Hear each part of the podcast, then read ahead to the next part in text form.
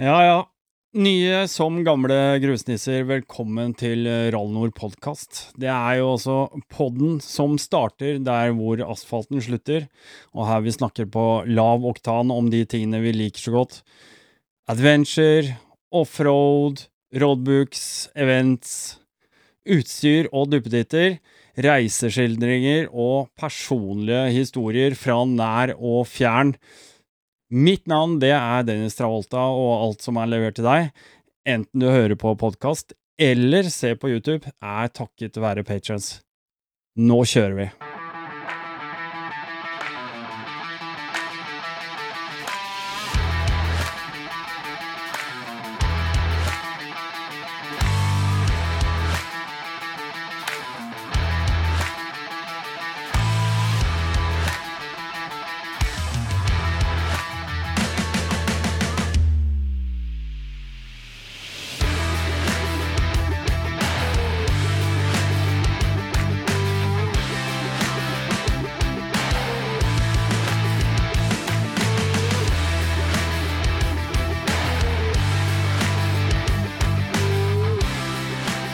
Da er det nok en gang duket for eh, den eh, årlige tradisjonen. Det er jo faktisk denne episoden her som på en måte markerer et eh, punktum for kalenderåret, som det heter så fint.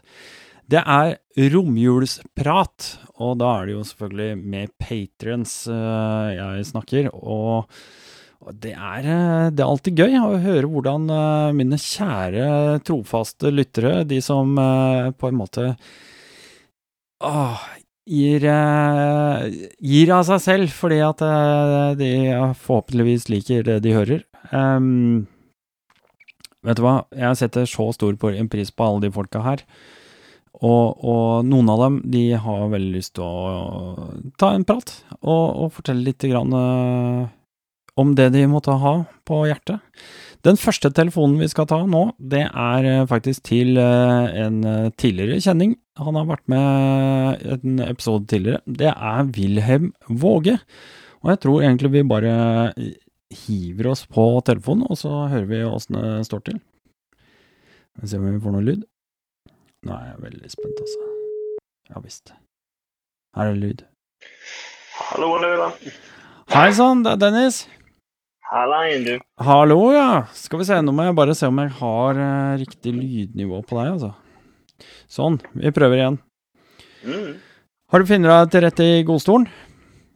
Ja, den godstolen jeg har, så er det det jeg fant. Den beste stolen, ja, den beste stolen du har, ja. Ja, det er kjøkkenstol. Nei, det var den jeg hadde nå. jo, men det er, det er sånn det er, Jeg sitter faktisk på en kjøkkenstol sjøl, men det er litt sånn Og det, av en eller annen grunn så har jeg en kjøkkenstol på kontoret, eller her, her sånn.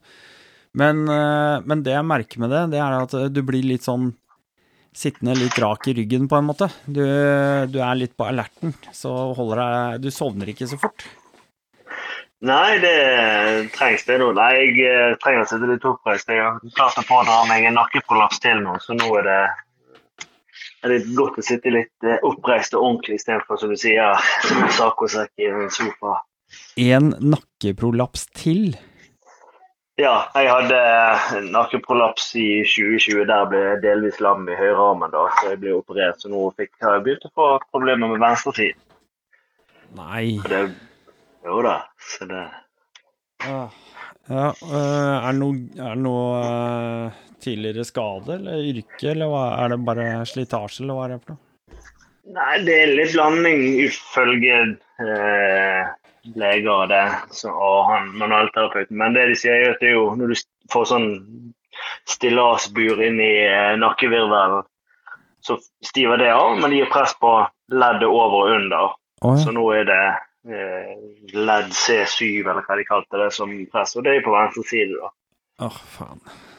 Så da ja, ja, så nå er vi tilbake igjen der. Så nå, men heldigvis ikke så smertefullt som det var sist. Da, for da var det fy faen. Men eh, nå er det sånn, så nå er jeg 80 sykemeldt. Det er litt sånn bestemor- og dufttrening foreløpig, så Men uh, lukter vi er det, Lukter det ny operasjon, eller hva er vi Det er det jeg venter svar på nå, for nå har det vært sånn at MR og det søren med. Uh, så de ville helst prøve å la være for det du flytter bare problemet til en annen virvel eller Ja, ja. til en annen tid. at det blir problemer igjen. Men eh, nå eh, Som sagt, det er ikke så ille som det er sist gang, men det er det er plagsomt nok når du ikke klarer å jobbe eller løfte armen eller gjøre noe det.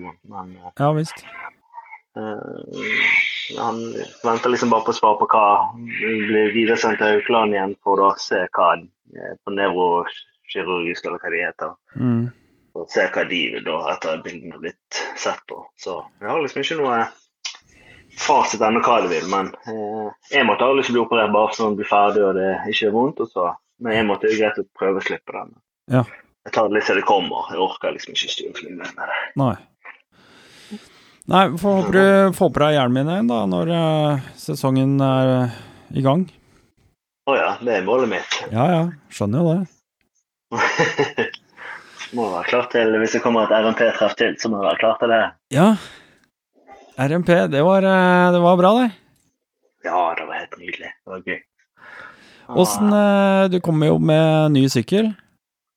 Ja, jeg kom med turreggen. Ja. Så Kan ikke du var- du ta oss litt gjennom den, da? Altså, jeg syns jo eh, sykkelen er jo kjempekul, syns jeg, da. Jeg, det er sikkert litt sånn der Jeg vet ikke hva slags tilbakemeldinger du har fått fra andre, men jeg, for meg så virker det litt sånn Det er sikkert sånn smak og behag. Altså, noen liker eh, BMW, andre liker Yamaha og så videre, men Ja. Det er Jeg var jo den og den Moto som egentlig er mine to sånn uh, guilty pleasures. mm. Og eh, det satt langt inne å sende Guss igjen, men etter hvert som jeg sett eller hørt på dere og sett andre på YouTube kjøre mer grus, så skjønte jeg det at mine dårlige skills og uh, lysten på å kjøre idiot, så måtte jeg ha noe som var lettere og ikke så lett å ødelegge. Mm. Og da var det Aprilien som fristet og var egentlig i mitt øye. Jeg liker å ha noe som ikke alle andre har. Sånn, alle sier, ja, T7 det er det jeg må ha, eller African Twin eller BMW, som du sier. Mm. At, eh, da jeg liker å gå liksom, ja, men da må vi finne noe som ikke alle andre har. Mm. Og så var det da å finne noe som var innenfor det segmentet litt. Og når jeg så Aprilian ble lansert, så var jeg egentlig solgt og tenkte at nå må den enten får lov å kjæringen kjøpe sykkel til, eller selge Gussien og kjøpe en annen. Kjøpe Aprilian. Mm. Og da eh, var det bare å få den sykkelen ut fort. Så hadde la den ut den mot Gusen rett før vi skulle på RMP-treffet Ja. og fikk solgt den, så fikk jeg sykkel eh, fem, syv dager før vi skulle på RMP-treffet. Så hadde jeg liksom syv dager til å klargjøre sykkel og begynne å kjøre den inn. Så jeg kjørte ja, 350-450 km, og så tok jeg et oljeskift, og så var det bare rett over til RMP-treffet og kjøre resten inn via der. Så det ja, det var bra, det. Er kult. Ja, ja. Nei, jeg, jeg lyste litt opp når jeg så den eh, komme inn på plassen, for det er, eh, det er jo Altså, jeg vet ikke hva jeg skal si, men du, du er litt sånn Du, si, du kaller det jo guilty pleasures, ja, og, og jeg, Mm. også, jeg skjønner jo godt hva du mener med det. Jeg er eh, Kanskje om ikke tydelig, så er jeg jo en sånn type som Jeg vil helst prøve å gjøre ting som ikke alle andre gjør, jeg òg. Og og det er jo sånn at eh, det miljøet vi ja, forbinder oss med, eller knytter oss til, det er jo ganske farga eh, i utgangspunktet. Det er relativt oransje, for å si det på den måten. ja, men det er litt sånn at alle Og det skjønner jeg godt. sant? Jeg har jo hatt husbaner før sjøl, en VR250. Mm. Og men du har et merke som er dominerende innenfor gruskjøring, type KTM, sant? og de har gjort sitt og de holdt den ballen der, så er det liksom greit. Hva er det motstanderen er? Og det er kanskje en eh, Fantic 450 som egentlig er Yamaha, da, men eller eh, i den gaten. Og da har jo du Så jeg ville kanskje gått den veien da hvis jeg skulle valgt en så type lett endurosykkel, da. Mm.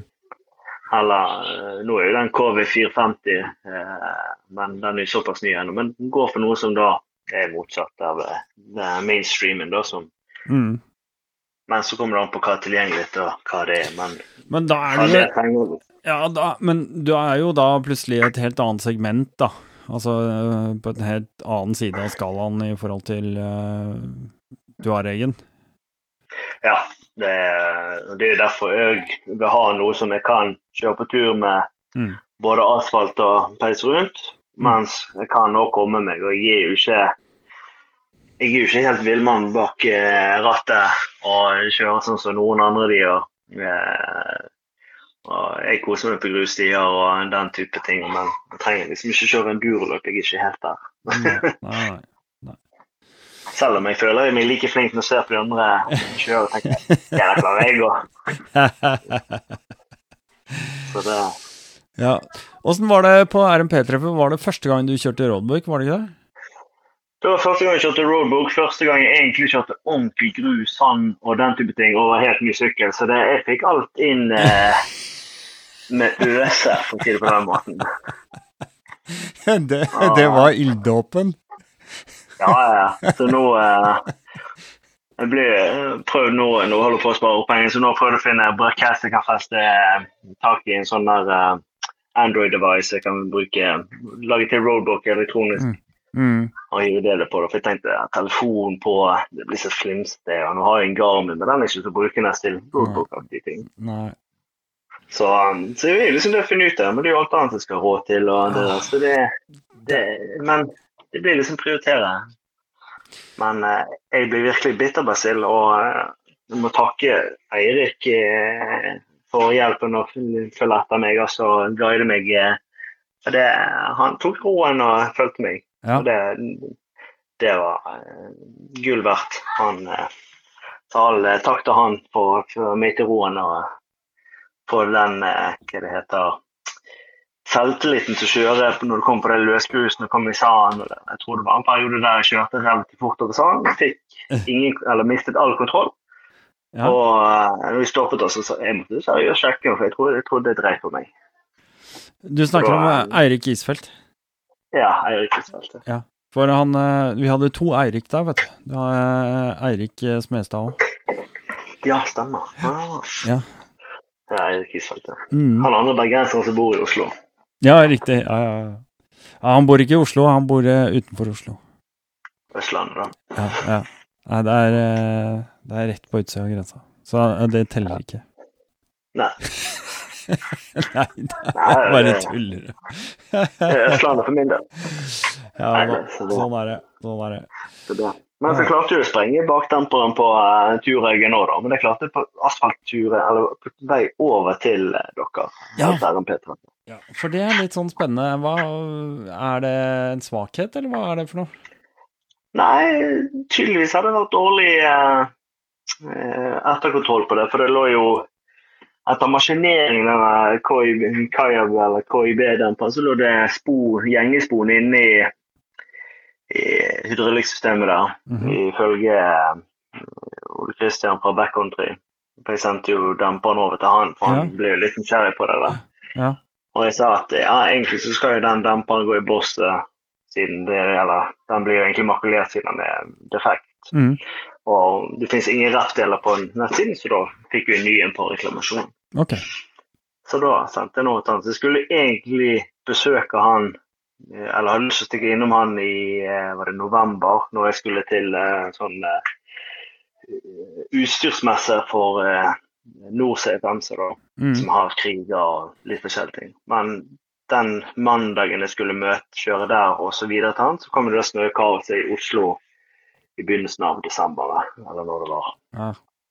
Eller, og da var jo det altså, tre timer i kø for 500 meter opp en bakke. For det var fire lastebiler. Det er helt jævlig. Og, og mot han så var det ja, det var ikke mye hva han sa, det var drit i det. Det var så mye snøkaos. her. Så Ja. da ble ikke det noe tur eh, mot han. Men liksom, han la igjen demperen der, så for han skulle på besøk til Norsafe da. Og, og da Mm. La jeg bare igjen demperen så han kunne plukke med seg. Så da fikk litt bilder. og de, hadde- Jeg tror han la ut et bilde på hjemmesiden sin der han holdt på å teste demper. Det er jo demperen min fra Turøygen. Oh, ja. Ja, ok. Så det Så det var en uh, produksjonsfeil, rett og slett? Ja. Eh, I hvert fall ute for deg og forstått for Christian òg, for det, det var ingen lekkasje. Nei.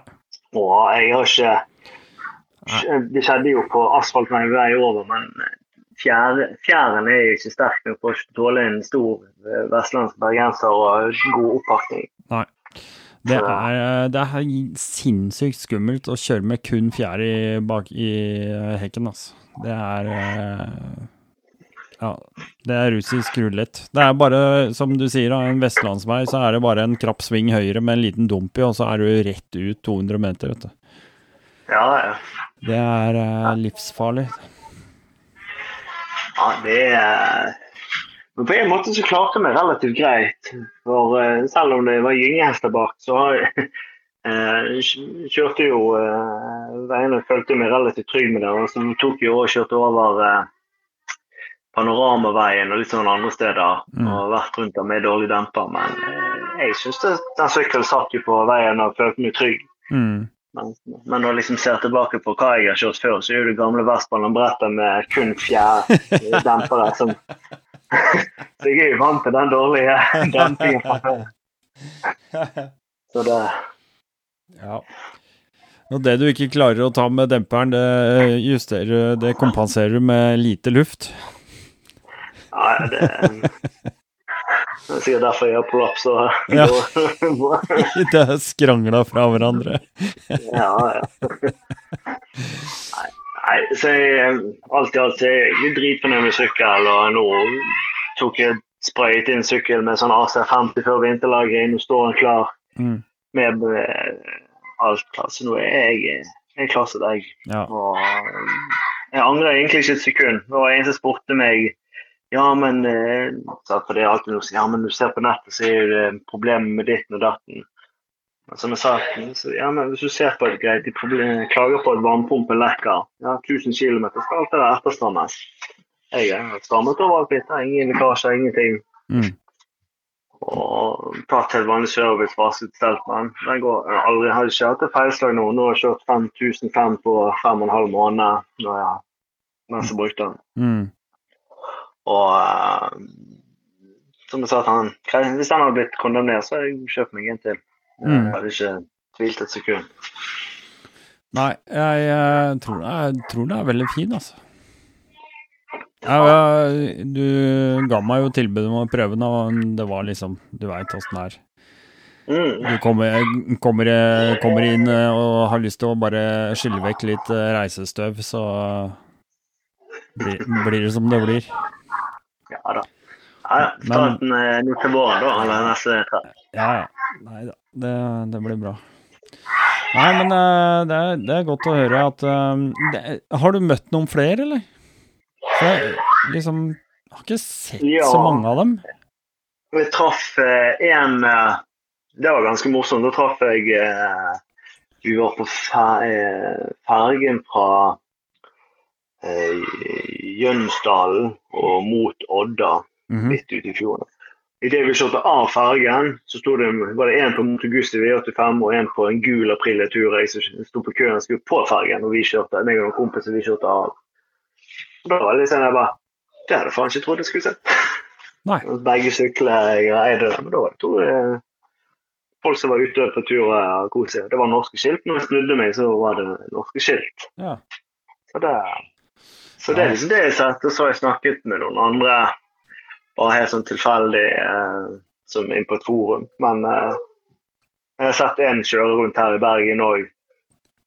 Men da kjørte jeg bil, og så jeg fikk liksom ikke vinket ellers. Mm. sagt hei. Men eh, det finnes et par stykker, men det er ikke det er liksom ikke sånn som BMW GS eh, 1200.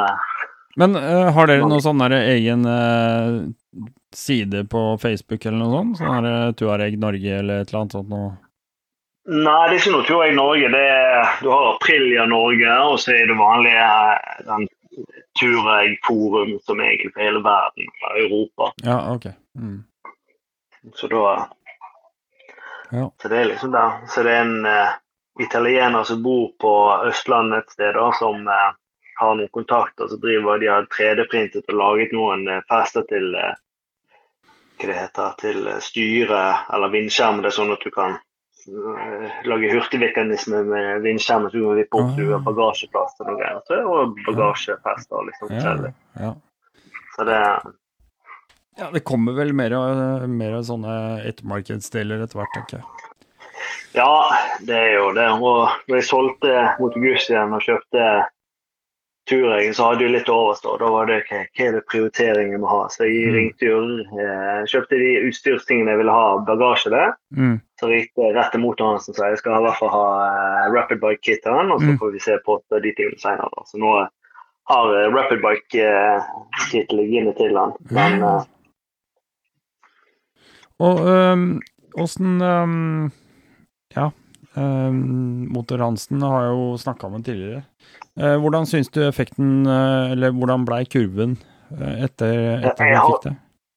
jeg har faktisk ikke fått montert det, for jeg har oh. Jeg får så garanti på den. Og jeg tenkte greit, nå kjører han inn og tar de dekkene. Så tenkte jeg greit, nå er det vinter, så planen var da å teste den original. Og så nå ser vi på eh, Planen var å gjøre det nå i vinter, men siden jeg har vært litt eh, halvredusert arm, så ble det liksom bare Nei, ta den jeg eh, Ja. Ja. Men, eh, jeg har noen måneder på meg ennå.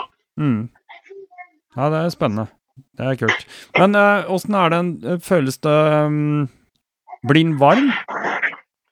På svanehalsen? Altså, eh, blir det mye strålevarme nede på høyre høyresida? Jeg merker det litt, men det er litt sånn varierende. Uh, jeg føler Jeg får hvordan været er der, men jeg følte ikke at det blir noe Jeg dør ikke av å bli solbrent. Nei, jeg tror kanskje ikke vi har Altså, vi har noen varme dager uh, i Norge også. Det, det forekommer jo faktisk. Men, men stort sett så har vi en temperatur som Jeg tror ikke vi merker det like godt som de gutta som driver og kjører rundt i Spania, liksom. Nei, jeg, uh... De har nok det mye varmere, og kanskje de kjører hardere eller gjør at det er mer, men det plager meg ikke. Mot augusten ble varm. Jeg har kjørt eh, en Ducati nå på jobben. Mm. Som ble, og det ble varmt opp mellom beina fra en sånn racersykkel. Ja, Så den har potta, for den ligger under setet, gjør den ikke det? Så det, alle sykler blir varme, men det kommer an på hvordan det er opp. på det der, så Jeg stresser ikke så mye med det. eller føler jeg tenker at å, dette er helt sykt. Men Ja. noen reagerer mer på det enn andre. Fy fader, jeg hadde, jeg hadde en kunde på jobben. Han, eh, ja, han hadde litt penger. Han er en litt eldre fyr, så jeg tror han Bolba hadde vært flink til å spare opp gjennom, og han hadde arva en del og litt sånn, så han hadde mye penger. Så han, Mm. måtte, han hadde lyst til å kjøpe noe en gang i, eh, i sitt liv, da, som han bare Som var helt sånn ko-ko, men som, som var liksom en sånn derre gave til seg selv. Ja. Så han var og kjøpte seg en helt kliss ny sånn eh, Ducati Desmos Sodici Oi, oi, oi. eh, med racekit. Altså, den kommer jo mer eller mindre race ferdig, men du kan få racekit i tillegg. Det er da topper og alt mulig, noen sånn stæsj. Og det kommer i en sånn derre støpt koffert, vet du, med sånn eh, innlegg. Og der bare klikk, klikk, og så åpner du lokket, så ligger delene nedi der. Og dette fikk en montert, og. Det kom jo på, jeg tror, 600, drøyt 600 000. Kosta den sykkelen. Ja, fy fader. er. Og den eh, Han sa jeg skulle få prøve, vet du, men det ligger litt langt inne, da, så jeg fikk, det kom jo aldri så langt. Men jeg var nede og så på den i garasjen hans, og det, det er noe Det er noe meget spesielt å stå ved siden av en sånn sykkel når det fyrer opp, altså. Ja, det Det er det er liksom du, Det er som en sånn aura som bare ligger rundt det derre monsteret der, for det er helt, helt hinsides. ja, det, det, du, får liksom Jeg tenker at nå er jeg nesten på MotoGP-banen. eller Du får Ja, ja. ja, men det er jo Sånn- GP-sykkel. indre, indre glede som et barn fikk når de fikk sin første trøsykkel eller et eller annet som gjorde at de ble, måtte trappe litt på beina og få litt av nå er adrenalin. Ja, ja.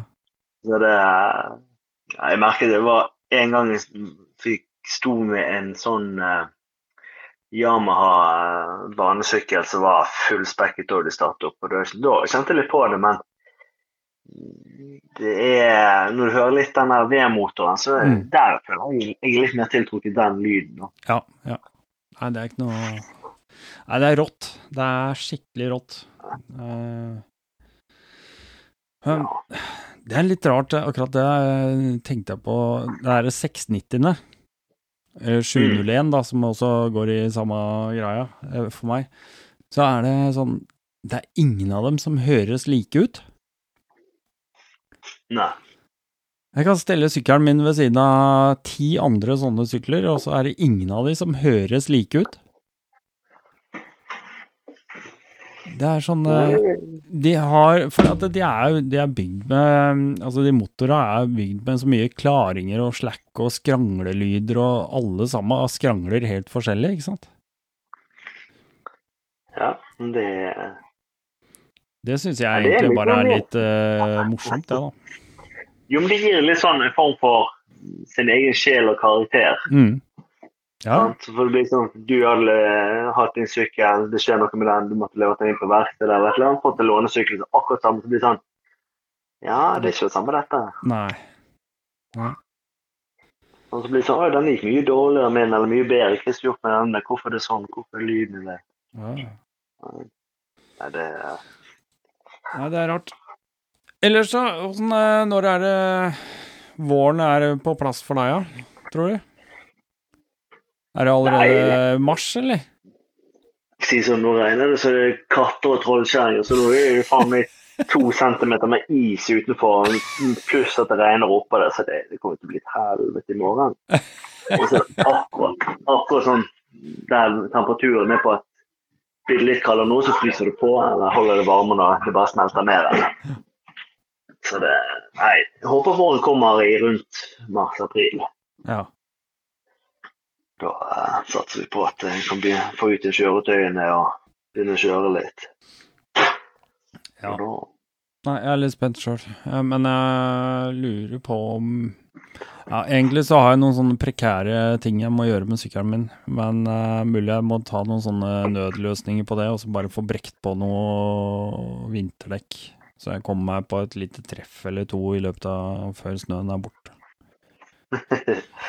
Ja, det er litt det der å ha Jeg, jeg har ikke lyst til å bruke den sykkelen på vinteren når det er salt. Her er det ikke hvor mye salting det er på Østlandet, men jeg føler her er det mye salt, og så er det mye vann òg så det regner sånn. Men Mm. jeg har tenkt på faen, jeg må skaffe meg en en Honda eh, 250 eller 300 Rally eller et eller annet. Jeg så litt på de Vogue sin 300 òg. Billig sånn. Men den ville jeg ikke gått for, tror jeg. Ikke, ja, nå, nå mente jeg ikke å være sånn kritisk, men jeg er sånn der, jeg har bare en sånn følelse av at eh, med en gang du får ett sånn saltkorn på, på krummen på gaffelbeina eller noe sånt, noe der, så er det brunt. ja. Sånn når du ser en gang fingeren på, så bare sånn tegneserie, bare Ja. rapper seg rundt Ja, hele. ja. Ja, nei, det var, jeg snakket med forhandler nede på, på eh, i Stavanger, som Mm. solgte det der. Jeg måtte jo grille han litt for noen spørsmål, og så sendte han meg noen bilder Jeg kjørte, kjørte en vintersesong da. Mm. Eh, det var ikke noe verre enn jeg har sett på KTM som har vært budsykkel eller noe sånt. eh, Jeg var overraskende fornøyd, men så sa han at han var jo flink til å spille av han. Jeg vet ikke hvor ofte. og hvor nøye han var. Men han sa at jeg spiller av han og så kjører han. Han var i dag brukelig hele året. Og da har vi kjørt var det vel nesten 20 000 km med han på et og et halvt, nesten to år. Ja. Men eh, nei, den hadde fungert relativt greit. han har vært sånn småplukk utover det jeg forsto for, men Mm. ikke noe Det er bagatellmessig. Det Ja, ja. gikk noen dager som han fikset ut igjen eller skiftet helt sånn. Så det var helt sånn vanlig standardting som røken clutch-sensor, nei, sensor på sidestøtten og bremselysbryter. og Det hadde ikke vært noen store ting. Nei. Men så er det litt sånn det, Jeg er litt tenker der, der, kan jeg fikse det sjøl? Mm. så er det jo ikke noe problem jeg kan. Og hvis det er ting som er Mange sånne ting er jo de går igjen med hverandre. Mm. Eller det er likt som alle andre. Sånn som kontrolldisplayet mitt eller håndtakbryteren er jo det samme som KTM sine. Mm. Og da tenker jeg, ja, greit, kan jeg enten få ikke tak i det, så kan jeg sikkert kjøpe en KTM sin og bare bytte om kontakten eller få det til å funke eller et eller annet. Eller det samme kontaktfestet. Så eh, akkurat den så det, Så der er har jo de løsningene det samme. Men så kan andre merker at mye det går overens, med det litt andre fester eller braketter som gjør at de akkurat ikke passer 100 overens med hverandre. Mm. Men eh, jeg er jo litt sånn sucker for å ha trofaste der. er april, jeg skal ikke akkurat de sånn trofaste tauste, men jeg, alle de kjøretøyene jeg har hatt opp igjen, så har jeg aldri hatt noen alvorlige problemer. Det, de har virket etter det. Men det er å ta forhåndsregler på hva er som er svakhet, hva er det som er kanskje Ja, det begynner å leke igjen. går over boltene. Eller sånn som ene kunne ha hatt i eksosventil på en husvann. altså den var ikke, den var ikke særlig pålitelig. Jeg tar med meg fire stykker i en sekk når jeg er ute og kjører tur. Så hvis det skulle ryke eller en tennplugg som ofte røyker, så hadde liksom de reservedeler klare. Mm. Og så er det framover over og gå over de tingene som løsner. Så. Men det er vel kanskje forskjell på å være en som jobber mekanisk og forhold til en som liker å kose i kjøre. Du ser kanskje på kjøretøy på en annen måte enn det jeg gjør. Jeg er sånn OK, hvis dette kjøper denne, hvordan kan jeg fikse eller løse problemet med denne uten å levere det inn? Mm. Langs med bil og sånt. Sånn som nå, en kompis min kjøpte bil, og så kjøpte han en bil som han visste han kunne skifte dekk og bremser på sjøl uten å måtte inn og rekalibrere den. En sånn elektrisk bil. Ja. Og så da, det det gjøre livet litt lettere for seg sjøl. Nei, for det du sier nå, da, for de som lytter, det er jo det at du er jo motorsykkelmekaniker. Så Ja. det er mulig at du, du på en måte tenker litt eh, annerledes i utgangspunktet. Og jeg husker jeg ble sånn overraska du sa det. Før jeg visste det, så sier du nei, jeg tar jo alle servicene sjøl. Jeg bare ok, det var, det var smart, tenkte jeg. Men eh, jeg skjønner jo hvorfor du gjør det. Ja. Så, Jo, men så det er jo Men som motormekaniker er greit. Jeg har jo ikke tilgang på alt utstyret. nei. Sånn som uh, Ole Kristian har med background, det demper eh, verkstedet hans. Jeg blir jo helt bløt i beina eh, når jeg ser sånne ting som det der. Mm, tenker at skulle ønske jeg jo hadde sånn. mm, mm. Men uh, jeg er ikke, vi, jobben min er ikke der helt ennå. Uh, og Men ting kommer av seg sjøl. Men det er jo det å kunne ha Snakke med hverandre som Ikke konkurrenter, men en som er i samme eh, business som eh, jeg er sjøl. Mm. Så er det Ja, jeg føler Jeg har i hvert fall aldri hatt noe problem med å snakke med andre. I forhold til det så hører jeg ja, nei, når du snakker med de, så vil ikke de gi noe informasjon eller være hyggelige. Så de skal bare være, jobbe for seg og ikke dele noe annet. Mm. Men det tror jeg mitt er, så, ja, men det er kanskje en annen tidsalder, det der. For jeg, alle de jeg snakker med, vi er gode toner og egentlig delt forskjellige ting. Jeg syns det var kjempegøy. Og jeg syns jo dritgøy når jeg har vært rundt om. Jeg var i Horten. Da fikk jeg være med inn på demperverkstedet, og det fikk eh, Kiev Tuning. Mm. Ja, ja. De, de driver med bane, elsykler og jeg, så da var jeg liksom wow. Så fikk jeg fikk mer og mer rundt på verkstedet der. Så det, da var jeg overlykkelig. Mm. ja, ja, det, Nei, det skjønner jeg. Det skjønner jeg. Nei, men åssen åssen er det Ser du noe Er det noen andre planer for neste år? Nei, nå har jo eh, to kompiser av meg, de har jo vært med eh, De begynte med at de fikk låne min scooter som øvelseskjøring. For jeg sa nå tar dere et trafikalt kringkurs, så tar jeg med, så blir jeg med meg på en tur, og så kjører vi litt rundt. Og han ene gjorde det, så nå kjøpte han seg Triumph eh, 800, eller Tiger 800. Mm. Og han, han andre kjøpte seg eh, Triumph Scrambler 1200. Mm. Helt nye da. Så de blir litt sånn påvirket av meg, tror jeg. Og så nå er jeg jo vært litt turer og den type ting. Så han ene han uh, hadde lyst til å kjøre tur nå til Finland. Ja. Og jeg tenkte ja, men det er greit, men da må jeg, jeg må ha penger, jeg må planlegge, jeg må få fri fra frue og unger og alt må klaffe.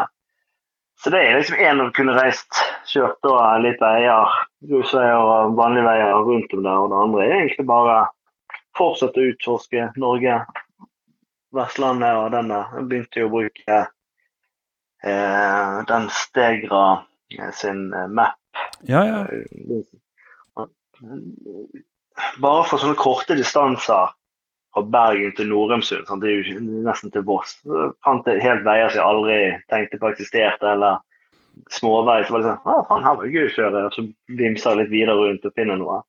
Så, så, jeg, ja. så det blir liksom overrasket hvor mye som du egentlig går glipp av hvis når du ikke utforsker og Mm. og sånn som den appen eller den nettsiden, så har det faktisk hjulpet på at du finner litt mer, og så undersøker du litt, og så plutselig å faen, her var ikke lov å kjøre. Og, altså, Jeg har eh, egentlig ikke noe sånn fast plan, men jeg skal bare fortsatt utforske og finne flere grusveier rundt om. Og så Mm. se om jeg kommer med han med halvstein maler på en eller annen tur. Og, Ja, ja. gøy. Ja. Så det, Han han, må vel gjøre seg klar, til Breslau. Ja, ja, men han må vel trene litt nå til Breslau sammen med Ja, ja, det, det er helt klart. Det er um, Det er mye som skjer bak i kulissene her, skal jeg si det. Det er det. mm. Så Ja, Du skulle være med, ned, du. jeg skal være med ned, ja. Mm. Ja. Det er planen. Men for deg som Du skal ikke kjøre sjøl, sant? Nei. Nei. Men er det sånn at du òg må betale sånn avgift for å være med, eller er det sånn Ja. du er bare med som tilskuer? Nei, jeg er med som crew, så jeg må, Ja. jeg må også betale en, eh, en deltakeravgift. Mm. Men ikke så høy, da, selvfølgelig. Nei. Nei, det var jo litt heftig hvis du måtte betale full bare for å være med og se på og rapportere. Og... Ja da, nei. Eh, men, jeg, men jeg skal jo være med ned i egenskap av eh, Altså ikke bare sånn personlig, men sånn Rally Nord-messig. Mm. Mm. Ja. ja, det var jo det jeg tenkte. Du kom til å være med der òg som en liten støttespiller i tillegg. Ja. Nei da, så. Men mer om det seinere. Ja. Ja, gleder jeg meg stort til. Sånn er det. Du, jeg ehm, skal ta oss og prøve å Vi må nesten prøve å runde av. Jeg skal gjennom eh, flere. Forhåpentligvis få med i hvert fall to, minst to stykker til. Ja, det blir bra da. Så håper jeg at vi ses igjen på nyåret. Det håper jeg òg vi gjør. Så enten vi kommer med bil eller sykkel eller i, i rullestol, så skal vi i hvert fall møte opp. Ja, du må i hvert fall ha lykke til med nakken. Jo da, takk for det. Så satser vi på at det der eh, går fint, eller eh, Ja. blir operert og ikke i stand til å være med. Mm. Det, Jeg gleder meg til å se deg på Tuareg igjen. yes, jeg gleder meg til å reise på tur igjen. Da prates vi. Det gjør vi. Shalawais! Shalawais! Det var uh, Wilhelm Våge, da. Wilhelm Våge. En av mine trofaste patrions. Det er herlig å kunne bare si det. Jeg må skryte litt av alle disse folka. Det er eh, herlig. Det er, en, det er liksom en sånn Det har blitt en gjeng som, eh, som liksom chatter med hverandre og holder kontakten og liksom eh, Ja. Det er, det er, det er veldig hyggelig stemning. God stemning. Det kan vi trygt si. Nå får vi bare fortsette å ringe opp til eh, neste page.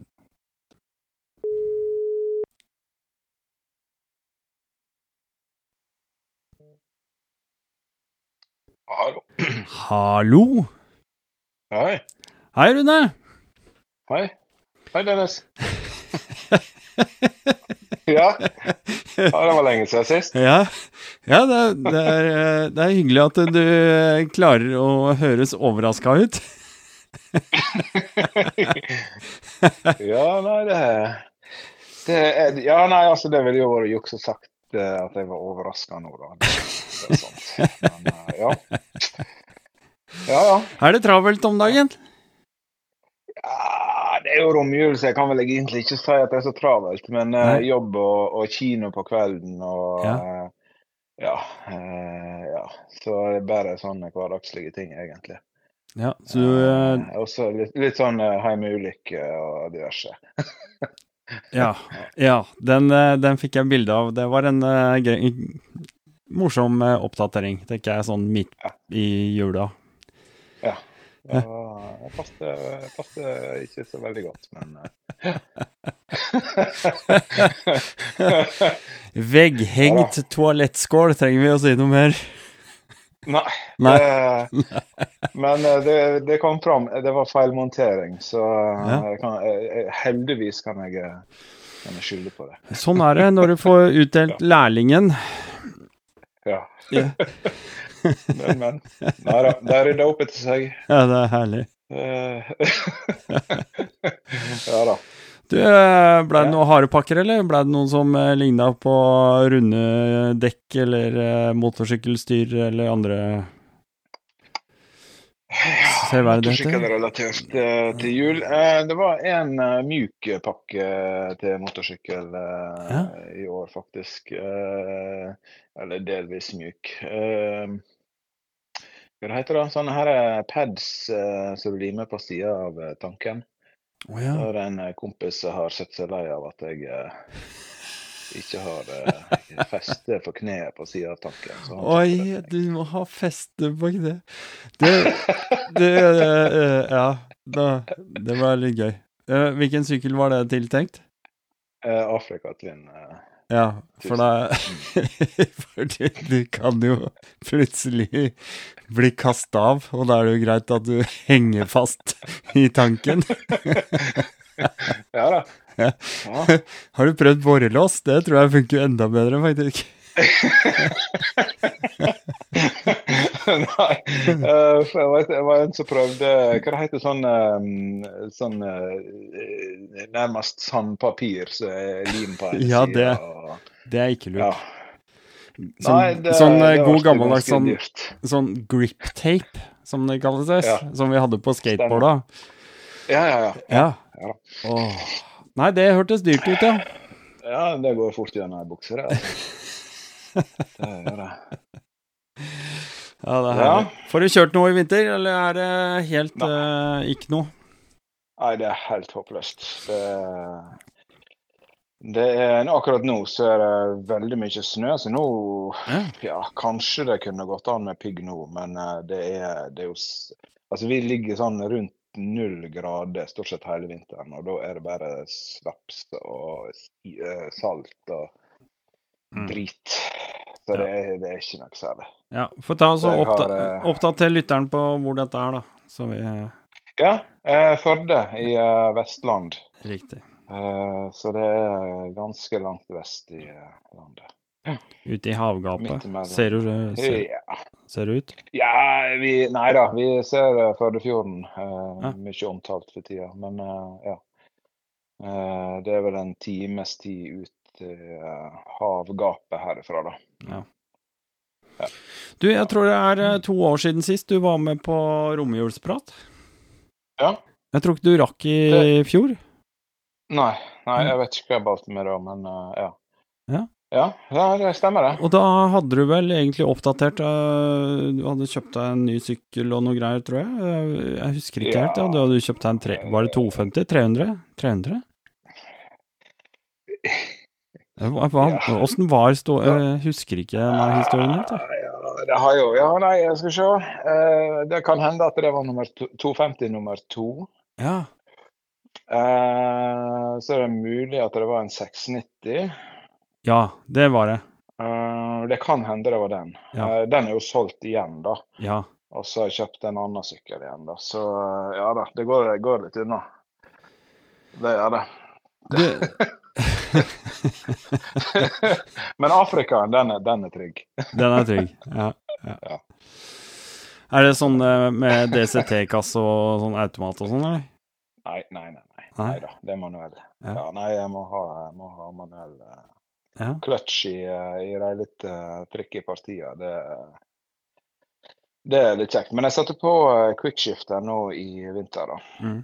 Det gjorde jeg. Jeg har ikke fått uh, prøvd den noe særlig ennå.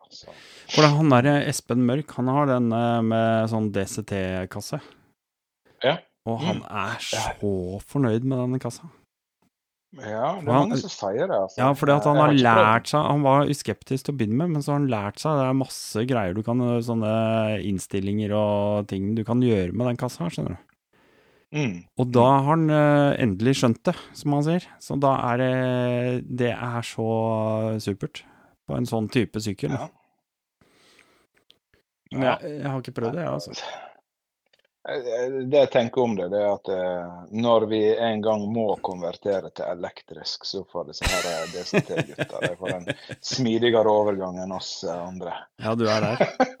Du ikke, ja, jeg, jeg, er der, altså. Ja, du har ikke tenkt å kjøpe en sånn der siste Africa Twin og la den stå i kasse innerst i garasjen til, til du liksom må åpne den? Ja, det må jo det i tilfelle bli en uh, 2019- eller 2018-modell. da. Uh, for den 1100, den, der, altså, den er fin, altså. Det er sikkert en veldig bra sykkel. Men jeg syns kanskje det har vært litt mye elektronikk og, og, mm. og styr og greier på den. da. Så det hadde vært kult å hatt en sånn, ja. Det, det er sant, det. Du, apropos, apropos det. Har du, har du sjekka batteriet ditt? Nei. Du veit hvor batteriet Nei, på den sykkelen din sitter?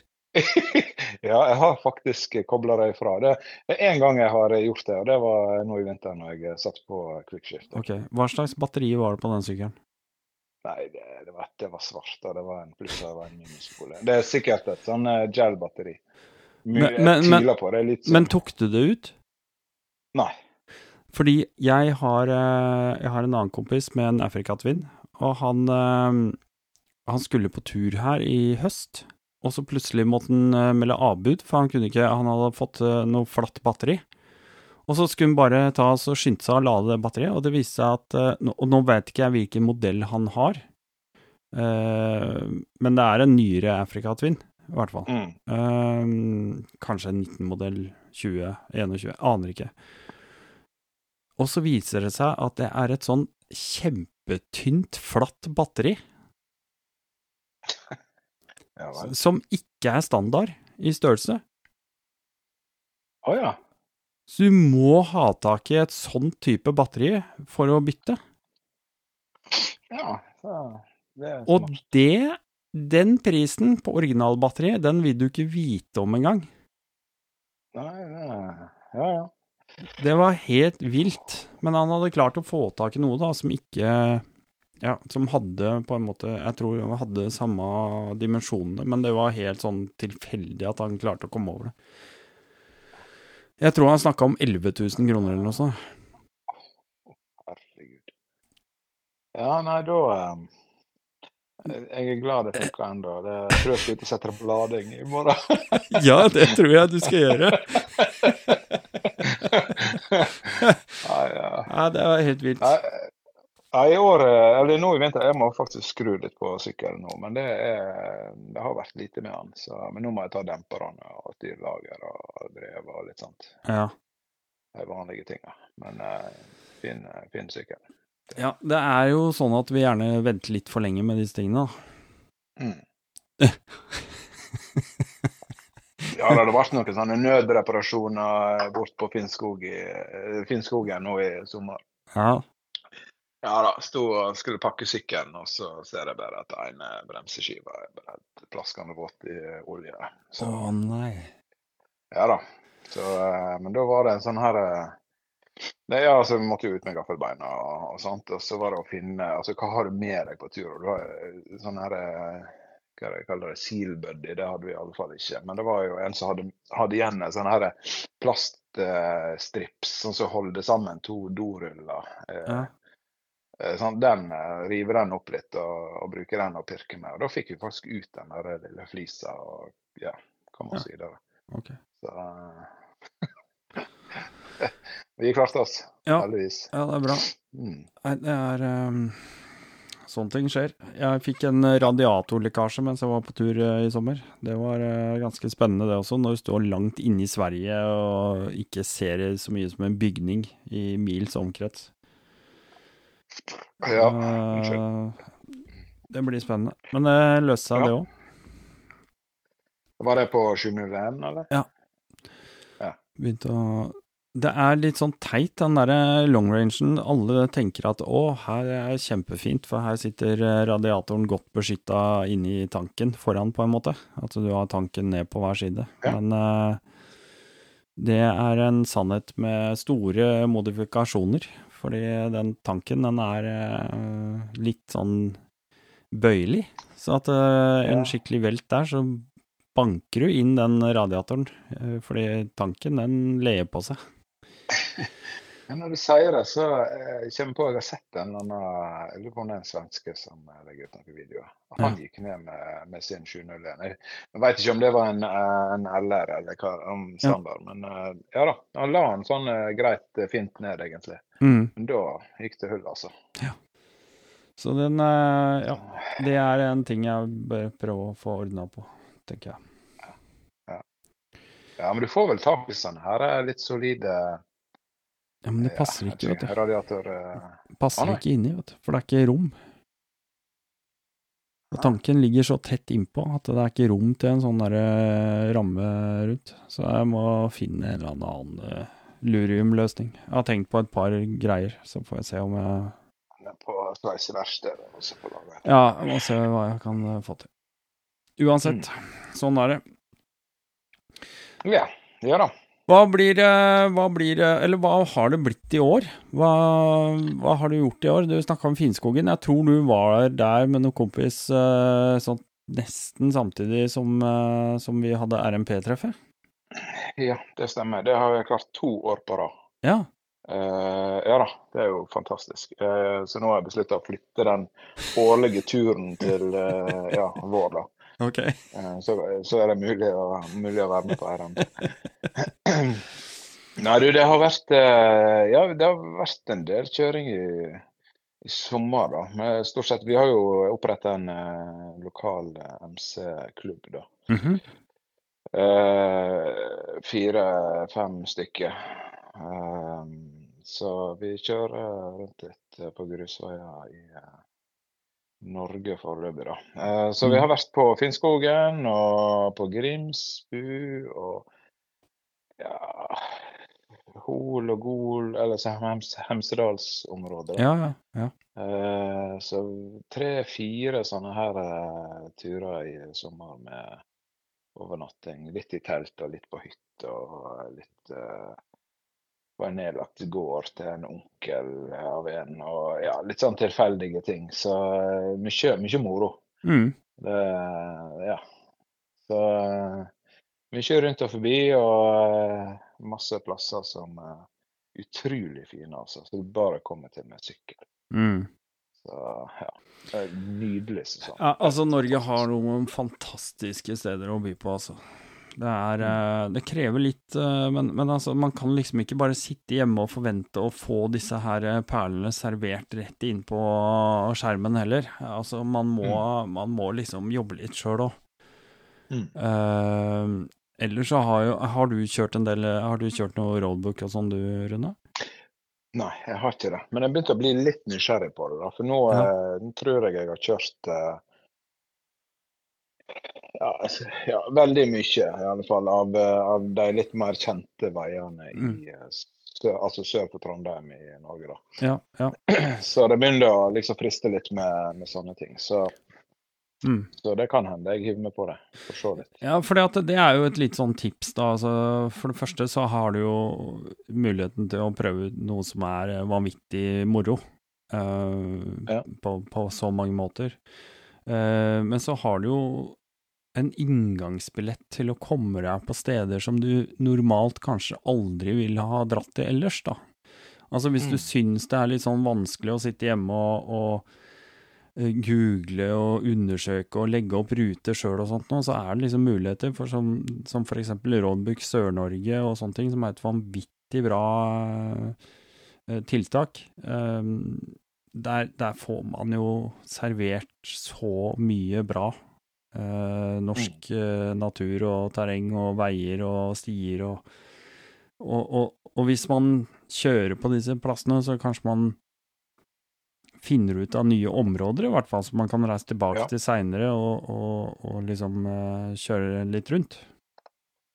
Men jeg tror, jeg tror det kan være litt sånn terskel for mange å komme i gang med det der, før du på en måte har satt deg inn i hva, hva er det for noe. Og Er det papirrull, og er det Ja, ja.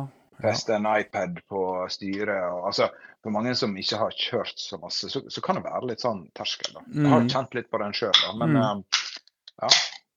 Nei, altså det, Det- det, det er bra du egentlig sier. Altså jeg, jeg tror det er på det. Altså det er sikkert mange som tenker det, at det er en terskel. Og, og nå, for det første så må jeg jo si begynn enkelt. Ikke begynn å lage dine egne rådbøker. Ikke last ned noen sånn rallynavigator og, og prøv liksom å finne ut av det.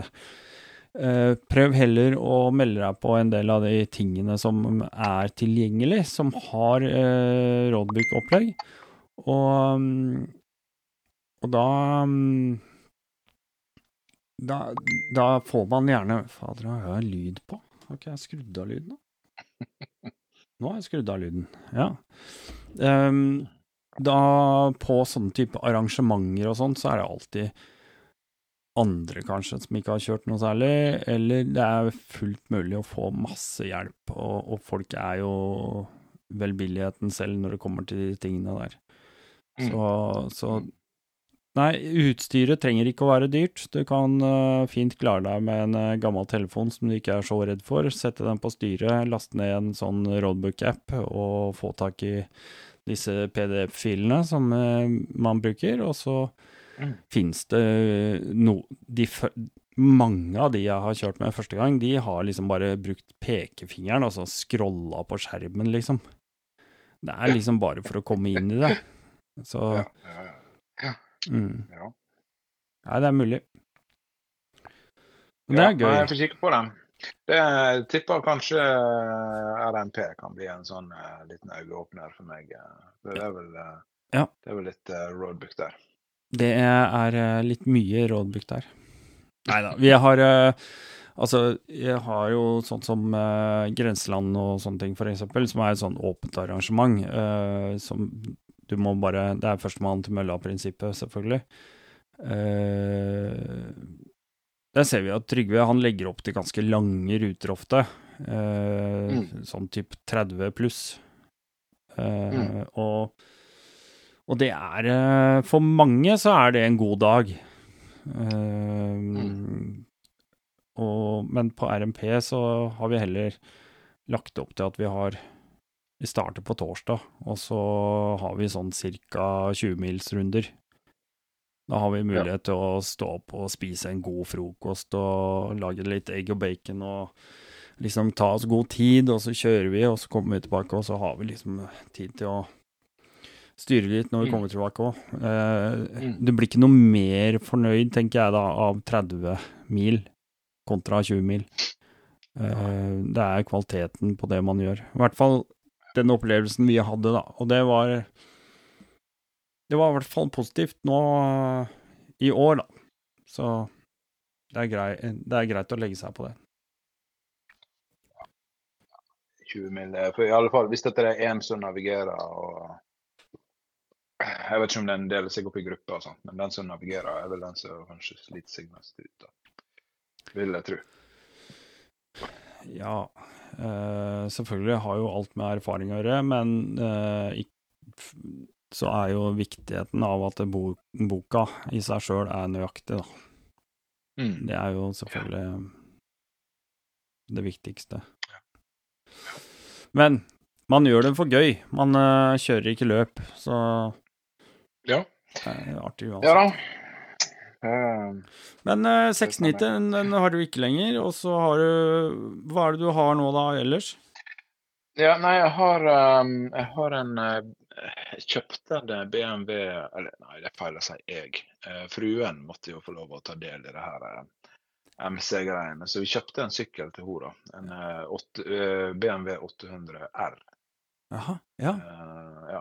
um, det, det var eh, å finne en eh, passelig stor sykkel, eh, sånn at ja, de som er litt utfordra i høgdemessig, høydemessig, klarer å sette seg på den, for å si det sånn. ja. Så den, den var veldig fin sånn høydemessig, da. Ja. Uh, ja. Så da har, har vi den, 800-en der, og så har vi Afrikatvinnen min, og så har guttungen da Han kjører jo fortsatt litt sånn her offroad. Eh, ja. Så han har en sånn liten crosser, da. Så det er det som står i garasjen. Ja. Mm. Så det Vi får se om det blir noe byttegreier i år. Eh, Jeg tror syklene er trygge ett år til. Du veit det, den beste sykkelen er ennå ikke lagd. Ja. Og så var det søren at BMW lagde en ny 900 GS. Ja, du har sett den, ja? Ja da, den, den krysser veldig mange bokser hos meg, altså. Jeg synes jeg, jeg er jo litt sånn gammel BMW-dude, så jeg syns jo det var eh, gøy å se at de faktisk har prøvd å legge litt i det. Jeg håper at det er mer enn bare farger eh, og, og design, men at det faktisk eh, funker også. Eh, har ikke sett så veldig mye tester, altså, men den kommer vel i to veldig forskjellige utgaver. Det er en sånn GS-utgave, og så er det vel en sånn GS Rally-utgave, er det det? Ja, det er en, eller er en som heter GS og en som heter GSA. GSA det er jo egentlig den eh, gamle eh, GS 850, Ja. eh, mer eller mindre. Nei, nå er det sikkert mange som Ja, arresterer det er meg, men den, den ser Nå er det 900. 900 det er jo en eh, Du kan tenke deg en Tenere med 900 kubikk. Ja. Det er sånn jeg tolker det, iallfall. Mm. Så det er en litt eh, mer offroad-basert sykkel. da. Ja. Den ser jo litt tøff Eh, ut. Slipper jo eh, ja, slipper å skifte potte og sånne ting på den. Den har jo akkurat på vikk og det som skal være. Ja, men den var ganske mye stivere pris på den, var det ikke det? 50 000 opp, eller noe sånt? Eh, Jeg lurer på om det var Jeg tror den har, jeg tror den har litt andre dempere og en del andre Ja sånne ting. Mm. Ja da. Den er, den er litt guffa opp i diverse. Ja. Men jeg tror ikke han var så aller verst i pris, altså. Nei. Så ja, nei, vi får se. Ja, ja. Det kommer an på eh, ja, diverse. Nei, men da, det, jeg, jeg, jeg, gleder 1300 var jo meg, jeg gleder meg skikkelig til å se den på RMP nå. RMP-treffet. Ja. Det blir gøy. Det blir, eh, det blir stas, det, Rune. Helvete. Nei, uff. Ja, vi får se. Ja. Vi får se. ja, vi får se. Hva er planen eh, neste år, bortsett fra Nei, det blir jo eh, ny eh, sånn årlig veke på tur med gutta boys, da. Ja. Um, I år så Det er godt mulig at vi legger eh, turen litt uh, i sør-vest. Eh, da er ikke det nødvendigvis så mye grus, men uh, mm. Rogaland, eh, Agder kanskje. Det er sånne områder vi har vært veldig lite i. da. Mm. Så det, det er godt mulig at vi kommer til å være litt der. Ja. Vi får se. Det blir iallfall den, den årlige turen. da. Mm. Uh, Så hadde vi på planen en tur til Island, men det er Ja. Jeg ser at det blir eh, mye, mye planlegging. Vi har jo ikke kommet i gang med det i det hele tatt. Nei. Eh, Det vil kreve Altså Hvis du skal ha egne sykler, så går jo ei uke i reisetid vekk. Altså opp og ned. da. Ja. Så da må du i alle fall ha to uker totalt. Og så eh, ja, litt sånn ja, mye familie her og der med alle kompiser. og Det er vanskelig, litt vanskelig å gjennomføre nå, så Mm. vi får se Mm.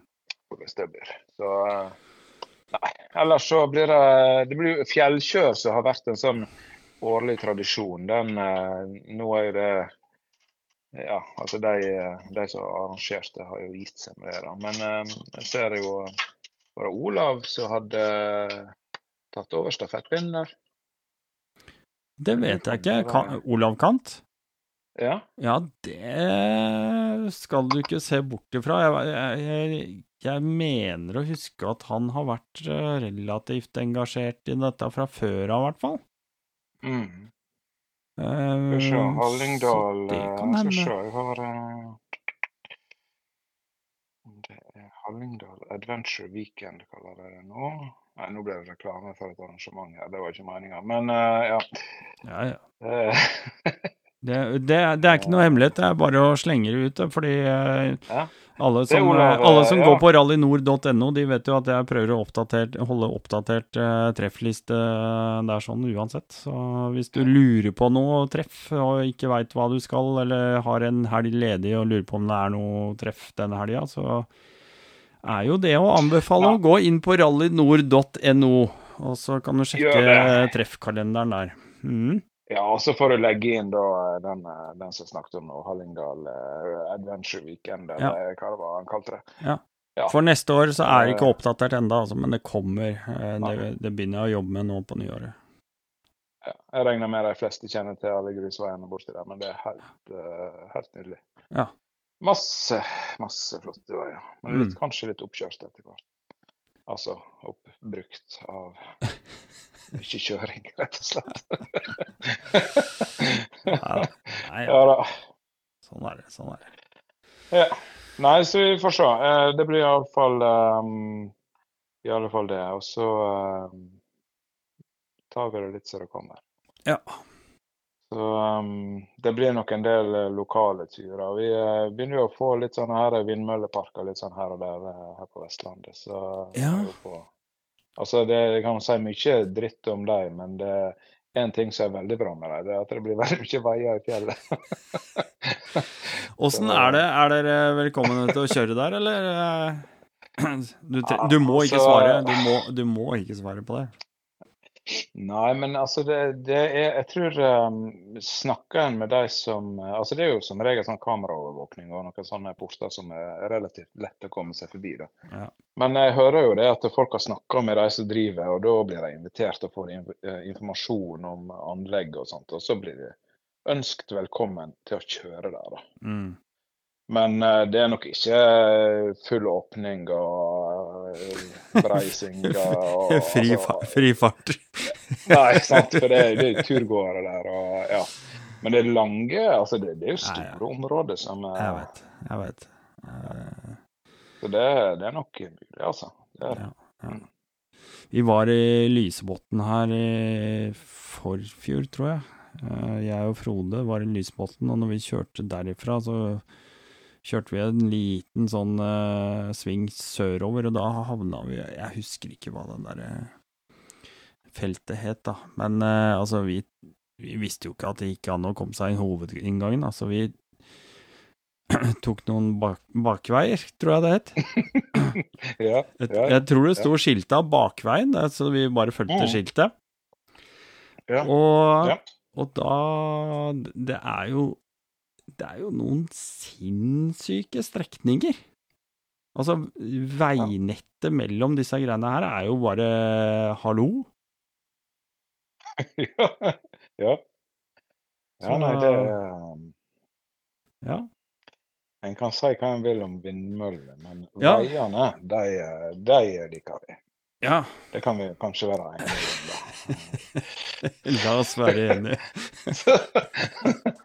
Så lar vi det andre ligge. Ja, ja.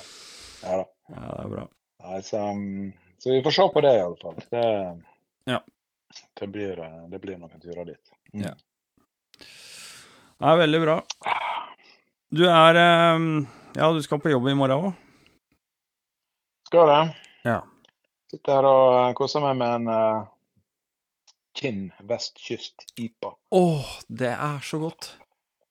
Det, jeg måtte si det, for jeg visste at du likte Kinn. Ja. ja det er uh, Men vet du hva, det er nesten uh, Nei, det er ikke skummelt, vet du. Jeg har, eh, jeg har bare satt en liten fot i bakken, så nå er jeg på sjette uka. Jeg har ikke rørt eh, noen ting. Ikke en Ingenting. Jeg drikker alkoholfri øl, har jeg drukket, faktisk.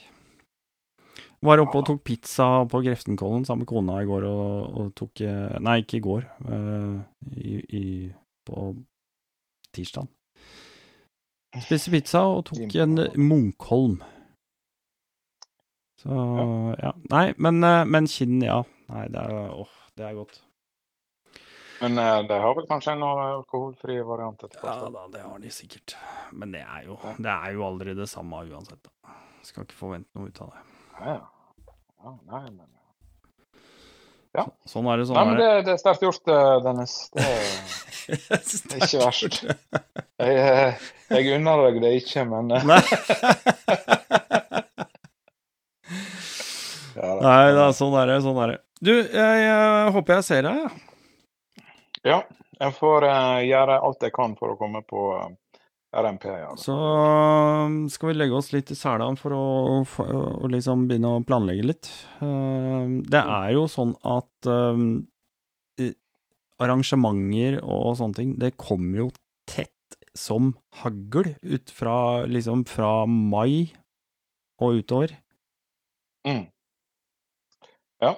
Eh, april er litt sånn uh, tidlig. Da er liksom uh, tælene er ikke gått helt, og det kan ligge litt snø i skyggepartiene, og, og liksom uh, Man vil helst ikke hisse på seg grunneiere og alt annet eh, Mm. med å kjøre opp eh, våte, bløte asfaltveier. Det er fort gjort å Ja. ødelegge skikkelig jævlig, altså. Men Eller grusveier, eventuelt. Ja, altså grusveier. Ja. Mm. Så sånn er det. Veldig hyggelig. Og så får jeg bare ønske deg riktig godt nyttår, og lykke til med feiring og hva det nå måtte være for noe. Takk det samme. Vi feirer nyttår i Chile i år. Så Ah, ja. ja. Stikker på båten på lørdag og skal ligge et døgn i, i Tyskland. Skal du på Løvenbrau? Löwenbrau, er det, er det den uh, attmed den kanalbrua der? jeg veit ikke. Jeg bare husker at jeg har vært på Løvenbrau noen ganger. Det er sånn ordentlig sånn ompa-ompa med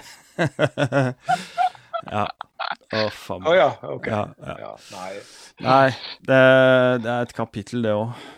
Jeg har banna på at jeg, jeg er ikke glad i sånne båter. Altså. Det er danskebåten og Kiel-ferja og alt det der. er Altså, nei. Det, det har seg sånn at uh, dette, uh, det er, dette har Har du gått deg frampå? uh, det, nei, dette er jo ikke motorsykkelrelatert. Men, eh, men eh, bare den der opplevelsen av sånne båter har jeg fått plutselig bare nei. Jeg var i- København et par dager på hotell, og den siste natta, eller siste kvelden, så var vi på Mikkeller bar, jeg og kona. Mm. Og når jeg får godt øl, da er det vanskelig å si nei, vet du. Og, og liksom, Mikkeller lager jo ikke liksom 4,7% ikke sant? Så det blei x antall eh, sånne tjærelignende saker, og så dertil form dagen etterpå, selvfølgelig, når jeg våkna. Og da skulle vi hjem. Og sleit meg bort til den der eh, båten og skulle hjem, og bare ikke lyst på noen ting. Gikk rett på luggeren, skrudde på TV, lå der og kikka på klokka, og så var klokka halv ti, så tenkte jeg nei, nå skal jeg bare gå meg en tur, og så skal jeg ned her og skal jeg legge meg og sove. Jeg orker ikke mer. Og så går du da edru, fyllesyk dog, men edru, rundt på dekk, eller oppe. Går forbi den derre pianobaren, blant annet, vet du. Hvor du ser for deg en sånn derre lillebrorfigur som sitter og klimprer og skraldrer de samme låtene som har blitt spilt der sånn i 40 år. 30 år. Det er de samme låtene som går enda, og så har du en sånn derre lystig gjeng som sitter rundt der og skriker og søler øl med sånne svære rosa hjertebriller og syns de er kjempekule. Da bare nei. Nei, jeg orker ikke dette mer. Jeg vil ikke være på sånn båt noe mer. Jeg skal sende deg noen gratisbilletter. så skal du se. oh, ja, ja, ja. Nei da. Har ikke noe mot uh, lystige lag, altså, for all del. Det er ikke det. Det var bare det, det var et eller annet som bare Det var den blandinga av lukten av sånne nedsurkla tepper fulle av eh, snaps og brennevin og øl og rødvinskvetter og eh, disse gutta med rosa hjertebriller. Da bare kjente jeg at nei. Det, det, ja da. Hvis det er noe bare det i det teppet, så er det, skal du være glad. Uff a meg. Ja, ja. Sånn er det. Nei. Nei, vi gleder oss Yes. til nyåret, og vi gleder oss til å eh, overalt dempere og gjort alle de eh, gode, bedre servicene vi veit om, og så, og så er vi på tur. Ja. Du får kryssa i kalenderen, så du kan begynne å jobbe. Ja. Bare å bestille deler og Ja da. Nei, jeg får, eh, jeg får huske på å eh, få tak i det jeg skal, og få gjort det jeg skal. Det, men det, det er typisk å utsette det litt for lenge, altså. Det, er det. ja da. Sånn er det. Du, vi prates, Rune. Ja. Nok en gang. Det er vi. Shalabais. Yes. Shalabais. Ja. Herlig. Det var eh, Rune Kirkebø, det. Det er eh, Det er gøy. Det er artig å ha sånne folk. Sånn er det. Vi må ringe videre. Vi ringer videre. Det skjer et eller annet. Er det bra nå? Mye bedre nå, Bjørn Inge. Ja, ledning, vet du. Ledning er eh, altså hardware. Rett og slett. Hardware. Ja. Old fashion technology. sånn er det. Du er eh, Nå er du God jul! Jo, god jul, ja. Har du hatt det bra, eller? Ja. Ja. Fortell. Hører du meg? Sånn kan det gå. Ja, hører du meg, eller? Hva ble det borte? Nei, du ble borte. Eh, si, åssen har jula vært? Hva har du gjort? Dette her funker ikke. Nei. Nei. Kanskje ikke gammel teknologi funker allikevel. Nei, det, det kan jeg ikke si så mye om. Jeg kjøpte meg en nytt headset til jul, da, for jeg skulle liksom være trådløs i tiden, og så går det til helvete.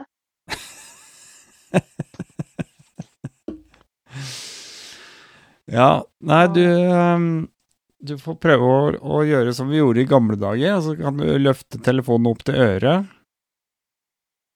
Ja. Det er jo Jeg kan ikke Der. Ja. Der hører jeg deg. Mm. Mm. Hva er det Nei, jeg sier åssen har god dag. God dag, god dag. God dag, ja. Har du hatt det bra i julen? Ja, jeg har stort sett jobba hele jula. Ja. Jeg har brøytevakt, jeg har kjørt snø. Oh, akkurat. Så jeg starta på jobb eh, halv fem i dag tidlig. Ja. Ja, da var det godt snuedrive allerede, da. Ja, nei, det Ja. Eh, ja. Du holder til oppe i Brumunddal. Jeg sier oppi, for det er jo norda for meg.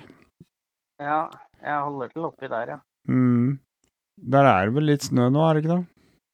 Ja, det er kommet bra med snø nå i julehelga. Det har det. Ja. Hva syns du om det? Jeg hater jo snø, da. Så jeg sa det til kjerringa at jeg kanskje jeg må kjøpe meg en snøscooter, så jeg blir glad i vinteren igjen. Nei, nei, jeg hater det ikke, men altså Nei. eh, Nå er vi på riktig side. Ja, det går riktig veien. Det gjør det. Det gjør det. Ja. Det er jo det det er jo det denne episoden egentlig handler om, da, for dette er jo eh, Altså, romjulsprat, det setter jo på en måte punktum for eh, For året. Kalenderåret. Ja. Ja. Så vi kan jo egentlig begynne med det. Åssen eh, har kalenderåret vært for deg eh, når du starta på våren eh, med ny frisk i, i år?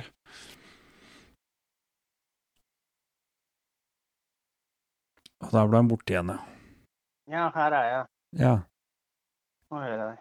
Ja. Åssen kalenderåret mitt har vært? Ja, hvordan starta det og utvikla seg etter hvert? I forhold til sykkelkjøring, Nei. selvfølgelig. Eh, ja, det starta vel egentlig jævlig bra. Ja.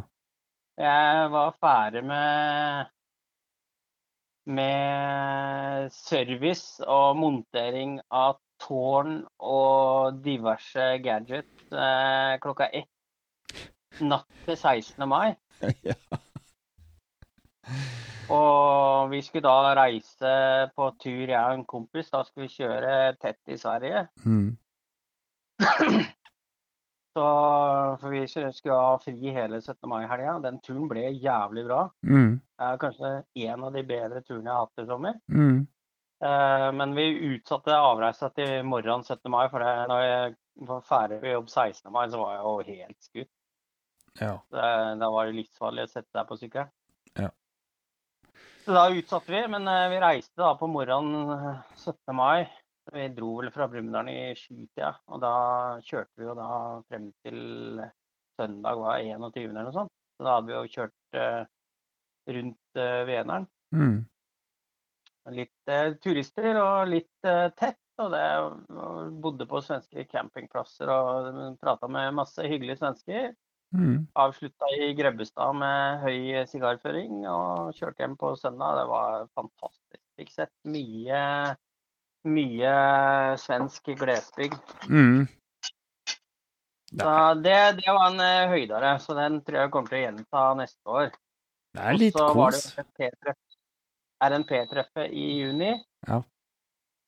det var jo Ja, det var en høydere. Det var slitsomt, det må jeg innrømme. Ja. Både før og under. Det var mye som skulle klaffe, men jeg tror vi klarte det sånn 95% Det rodde du veldig fint i land. Det må jeg si.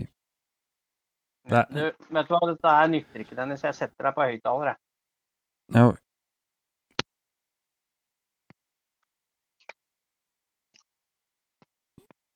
Hører du meg nå? jeg hører deg fortsatt. Ja, men jeg hører ikke deg, skjønner du. Nei, det er litt dumt. Ja. Nei da, så RNP-treffet var jo Ja, det er jo alltid en høydere. Ja. Fikk treffe mange gamle venner og flere nye. Mm. Ja, vi har da, hatt eh, Det har vært eh, to, eh, to år nå. Så Ja. Det blir jo Det blir jo Det er jo interessant. Vi har ennå ikke hatt noe møte, da, så vi veit jo ikke hva som skjer neste år. Nei. Så ja, vi venter i spenning. Det er jo sjefen som avgjør hva som skjer. Jeg er ikke aleine, da. Altså, jeg kan jo, jeg kan jo godt Jeg kan trygt si at det blir et RMP-treff, men i, og, uh, hvordan det blir, det, det kan jo ingen Det vet vi jo ikke ennå. Nei, nei, Det men veien blir til når det går. Ja da, men uh, så lenge, så lenge er- laget er med, så, så blir det jo RMP-treff. Det er jo ikke noe lur på det. Nei, det er vel egentlig ikke det. Merkene er jo trykt opp allerede, så vi kommer jo ikke utenom. Nei. Men eh, jeg tenkte på det, Dennis. Ja, Det var, bare- det, jeg vet ikke om det var sånn der eh, At vi burde Når jeg hørte på den episoden med han eh, Han Var det Arne Paulsen? ja, At vi burde hatt noen sånne der små merker som vi hadde på kaffekoppen. For vi bytter jo sykler, da. Sånn som Frank han bytte sykkel hele tida. Og da er det sikkert en sånn der ikke sant? Det blå merket som er litt eksklusivt. ja. Det røde, Det mener du? jo borte. Det røde? Det røde. Ja. Ja. Det blir, det blir jo borte da. Så vi burde hatt sånn der på koppen. Så liksom du ser hvor mange du har vært med. Sånn, bare, bare en sånn liten en. Ja, ok. Ja, Ja, ja altså, nei, altså, jeg, jeg har jo, la, jeg har jo laga meg en sånn kopp, da, Mm. Med de merkene på. Uh, Ja. Så, så Men kan ikke ha de store på koppen, for da blir det jo bare lag på lag til slutt. Nei, men det er ikke så jævlig svære. Det er fem centimeter. Ja. Det er ikke så mye deometer, det. Nei, nei. Men uh, Så det tar jo noen år. Det tar jo noen år, da. Det tar jo noen år, og så kanskje du må bytte kopp. Ja, men uh, det godkoppen bytter du ikke, vet du. Nei, det er det. Ja. Ja. Nei, vi Nei, får, men er- vi- man eh, vi får ta det opp til vurdering. Ja. Ja. Så- Nei da, ellers så, ellers så var jo Ja, i juli så jobba jo det stort sett hele juli, så da ble det, det ble noen turer på fjellet. For jeg bor jo ikke så langt unna Hedmarksvidda sånn. Mm. Så jeg har jo fri tilgang på grusvei bare rett utafor verandaen omtrent. Mm. Eh, og hvis du kjører inn på Ringsakersida, så slipper du å betale bompenger. Kjører du inn i, på Hamarsida på Gåsby, da, så må du betale bompenger. Og den der leseren der, den leser jo alt, da, med mindre du har tre centimeter med kjedespray på skiltet ditt. Så For, det har, du- for det har du prøvd, ikke sant? det har vi testa. Ja. Så, så kjør inn på Ringsaker, for da er det gratis. ja, ja, Ja, Da kan du kjøre ut på Hamarsida, for da snyter du de hamarsinga for penger. da, vet du. Kanskje det kunne vært Det en er- business av det. Altså, nå har vi en sånn norsk produsent. Ja, øh, hvorfor jeg sier det, er fordi jeg akkurat bestilte et par bokser med en sånn der Lano-film. Det, det er jo et norsk produsent av sånne der, øh, vidundersprayer i diverse sånne der, øh, VD40 og sånn type stil, vet du. Med linoljebaserte varer og sånn. Kanskje det Er det fluidfilm? hm? Er det fluidfilm? Eh, ja. Det, det er det norske, i hvert fall. Ja. Kanskje det hadde vært en sånn businessidé for dem? Altså lage eh, skiltspray. Ja, Ja. som ser klar ut, men med en gang du tar bilde av det, så blir det bare helvete. Da er jeg helt enig. Skiltspray, ja. Det hadde vært herlig. Ja. Åh. Nei, det, det hørtes nesten ut som vi må fikse det sjøl. Ja da, men det går med ANI eller sånn fra, fra Excel-moto. Ja, ja, ja, ja. Nei, det er herlig. Nei da. Nei, så jeg har hatt noen eh, turer på, på vidda da, bare for å lufte meg og sånn. Og, og så, ja. Så var det jo mye jobbing da frem til august til jeg reiste opp til Frode, da. Mm, mm.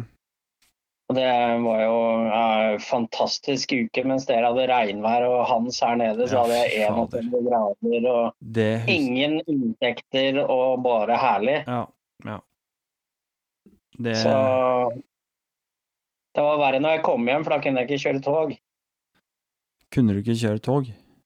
Nei, for det gikk jo faen ikke noe tog. Jeg måtte kjøre buss for tog. Oh. For Hans hadde jo revet omtrent ja, alt. ja, ja, ja, ja.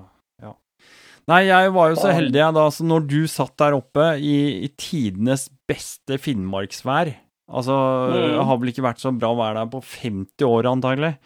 Og så sitter jeg og skal liksom eh, må ha hatt utsatt ferien min for å vente på den der Zeroen, den der elsykkelen.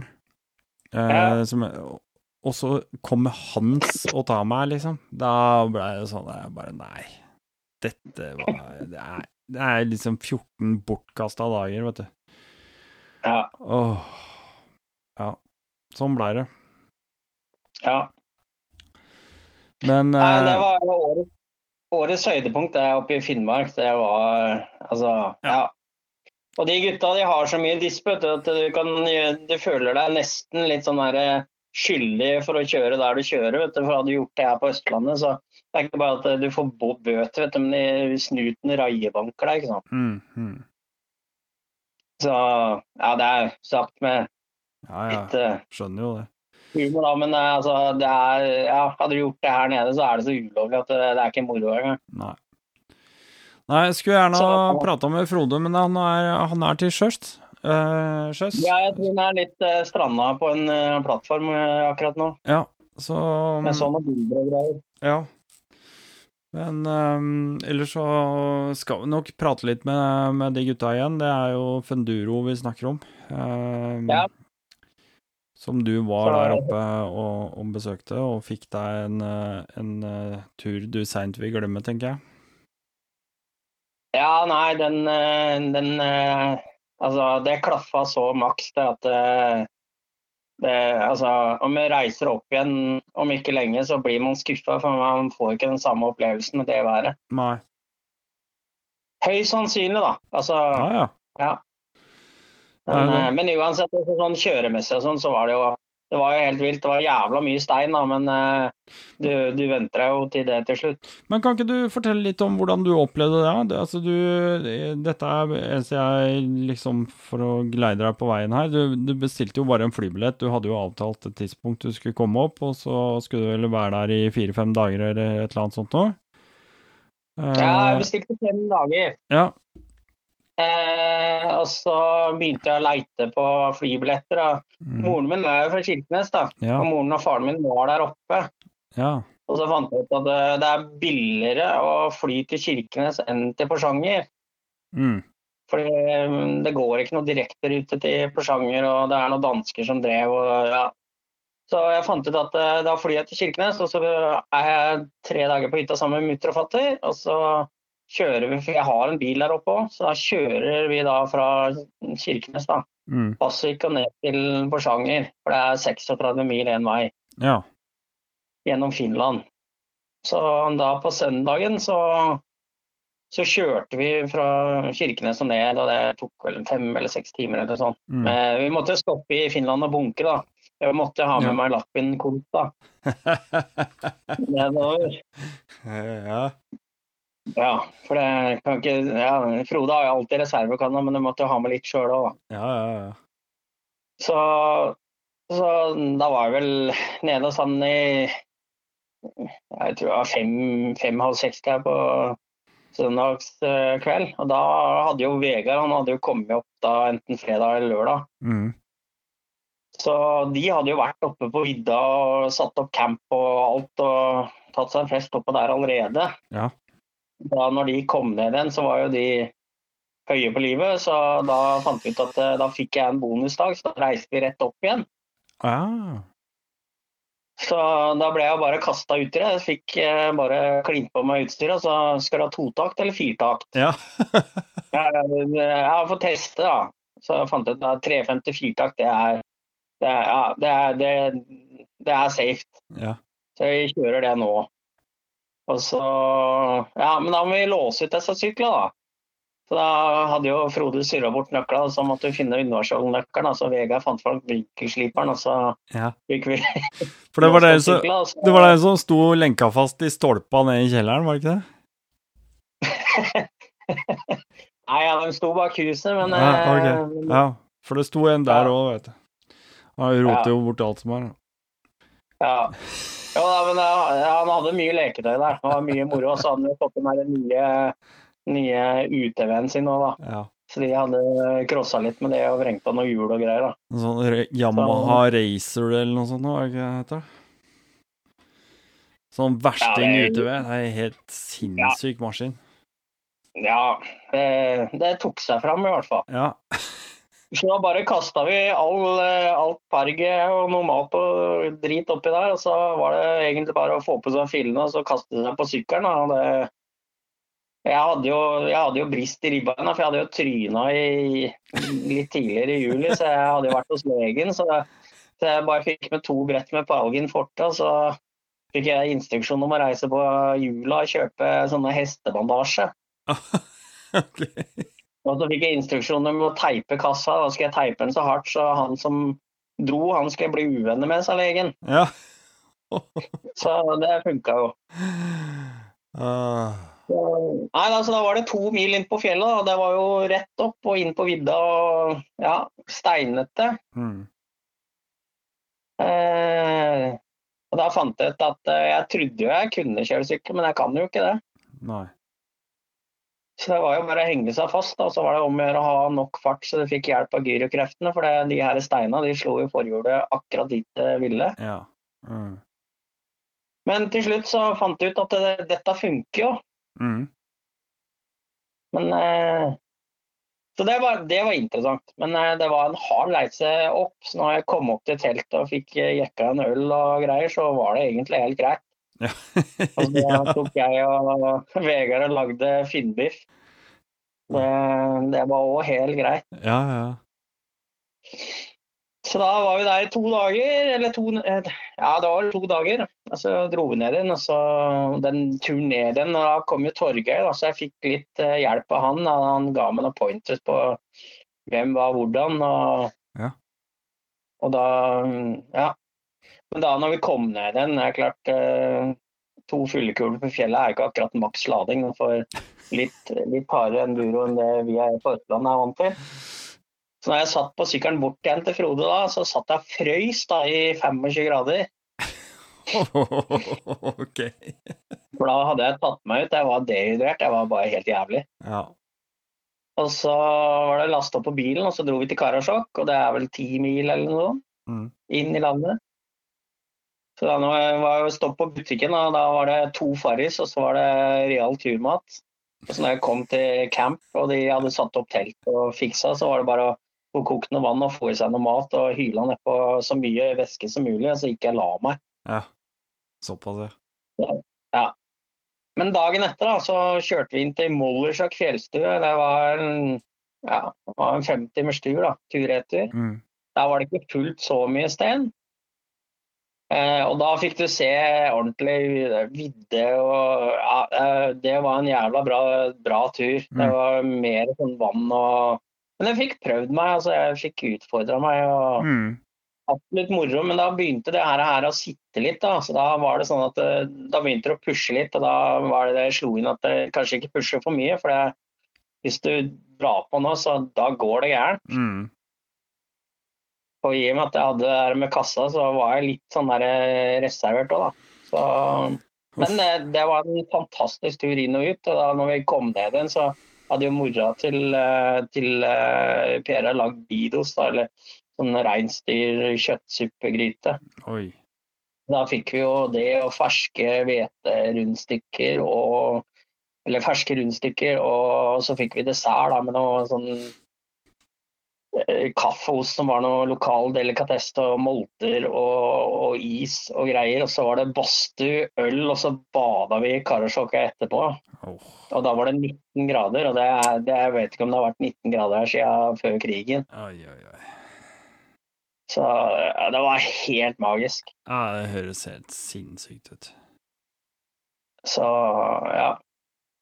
Nei, ja, alle er liksom bare vennlige. Vi bodde jo på, på Campen var jo rett ved elva, og der var det jo bare en sånn stor sandodde. Da. Så du, du kunne jo leke deg til du ble blå i trynet. Mm.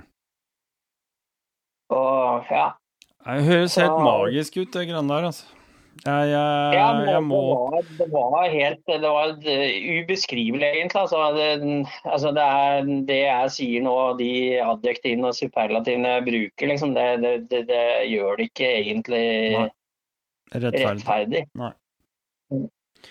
Men eh, hva tenker du om eh, liksom å reise opp nå, på den tida nå? Altså midtvinters, eh, da er det jo Det er sikkert mulig Nå har jeg bodd i Finnmark, da. Ja. Så jeg ville ikke ha reist opp nå, for nå er det jo faen meg bekmørkt enten det er midt på dagen, kvelden eller morgenen. Mm.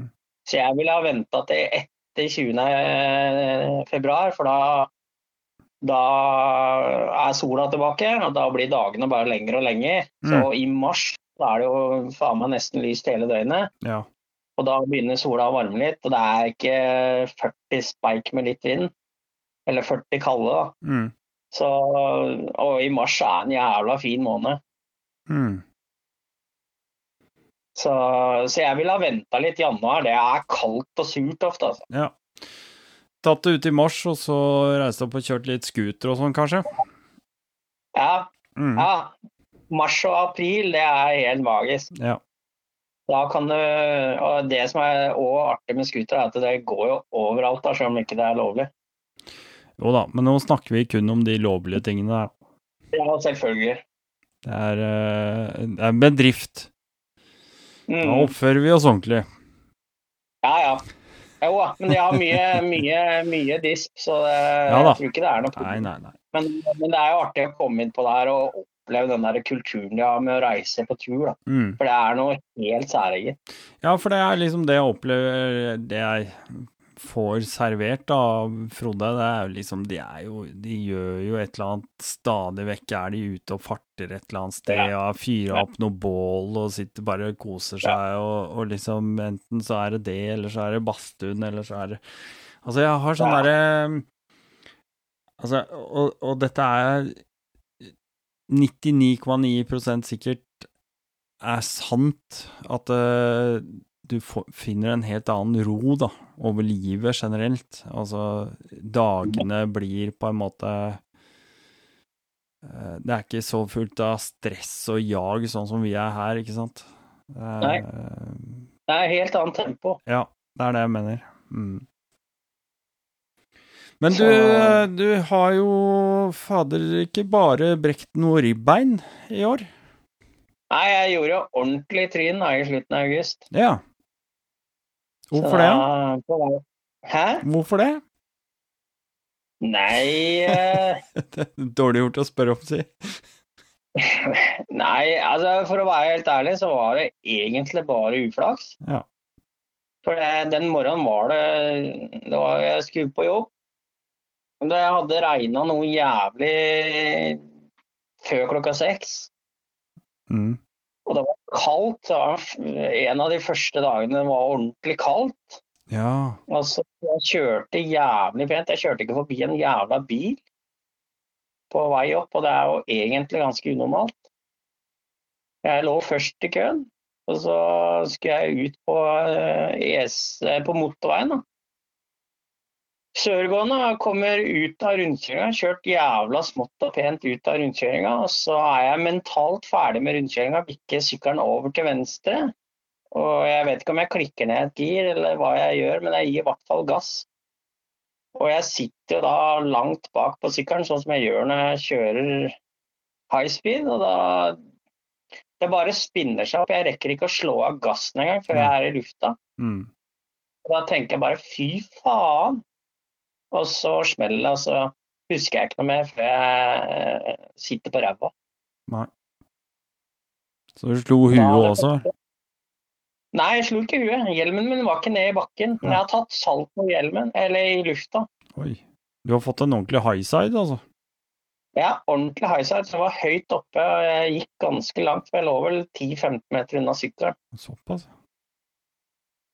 Så, så da det første Jeg var på beina igjen etter 15-20 sekunder. Ja. Det første jeg tenkte, var at jeg må få av den jævla tenninga. Så det er bare eksospotta og varmt og bensin og drit. da. Mm.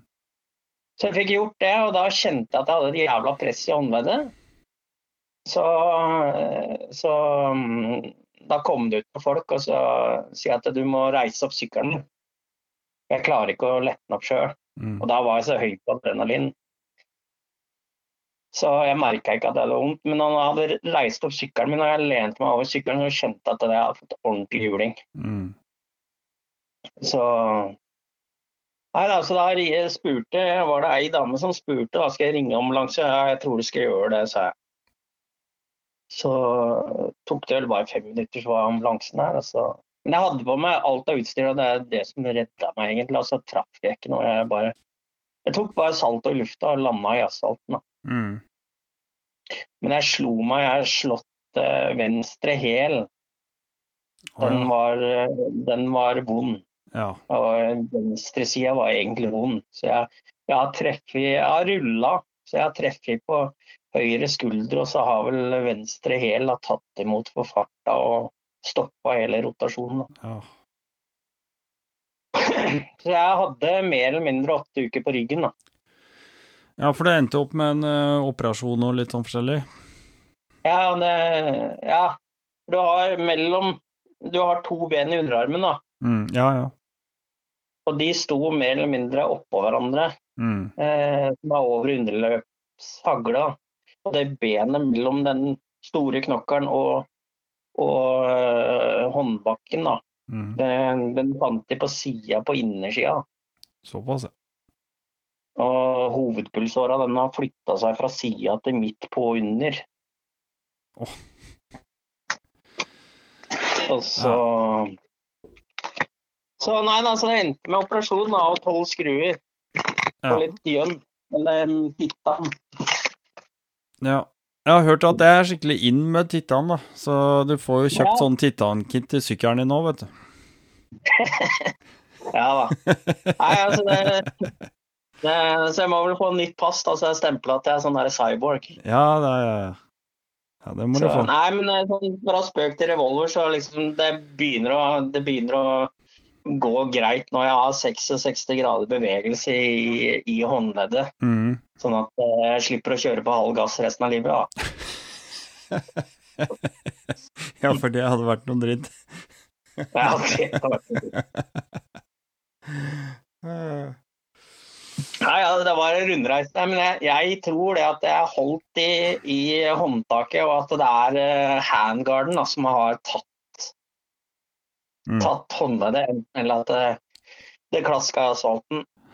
Ja, for den derre sånn Akkurat det du sier, det er jo viktig. Handguards kan være årsak til Eller er faktisk eh, årsak til veldig mye håndleddsbrudd eh, blant eh, offroad-kjørere, da, for å kalle det det. Fordi Ja. man klemmer altså hånda ned mellom foran eh, på en måte hendel og, og mellom hendel og den bøylen. Og så hiver man seg over framover over styret, og så brekker man hånda. Ja. Det er, det er faktisk ikke uvanlig. Det er en vanlig skade. ja. Men han legen da på ja, Det var jo litt artig, da, for jeg ble jo kjørt inn, og det var jo fullt traumeteam, så jeg ble jo sjekka i huet og ræva. Ja. Så det var jo greit. da, så Seinere på dagen så måtte jeg til Elverum da, fra Hamar. Mm. For de driver ikke med sånn bein og drit på Hamar. Nei. Så da sier hun der sykepleieren du kan vel ta drosje, du da.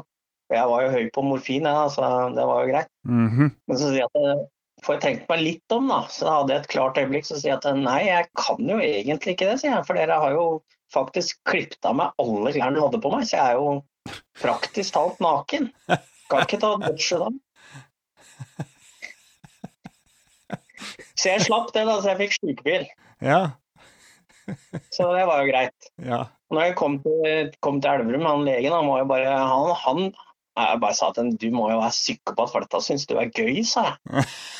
Ja, han syntes dette Sånn der høyintensitetsskader, det syns han var litt tøft, da. Ja.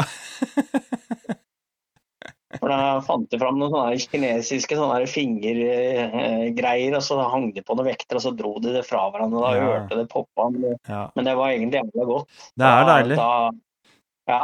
faktisk. Men det var jævlig lyd, Mm, ja, ja. så Så det Nei, men det Nei, høres altså, det ut som du på, sitter på hesten igjen til neste år, i hvert fall. Ja, det, ja nå har vi, vi vært på Raufoss i dag, for høna skal kjøpe seg en Maine Coon-katt. Okay. Så da er det jo rom for at far får en motorsykkel til. Så, så det Ja, det er absolutt. Men eh, jeg er litt spent på hvordan huet kommer til å reagere med en gang. ja. Det, det er jeg litt spent på. Men mm. det går vel over etter fem minutter, det, ja. tenker jeg.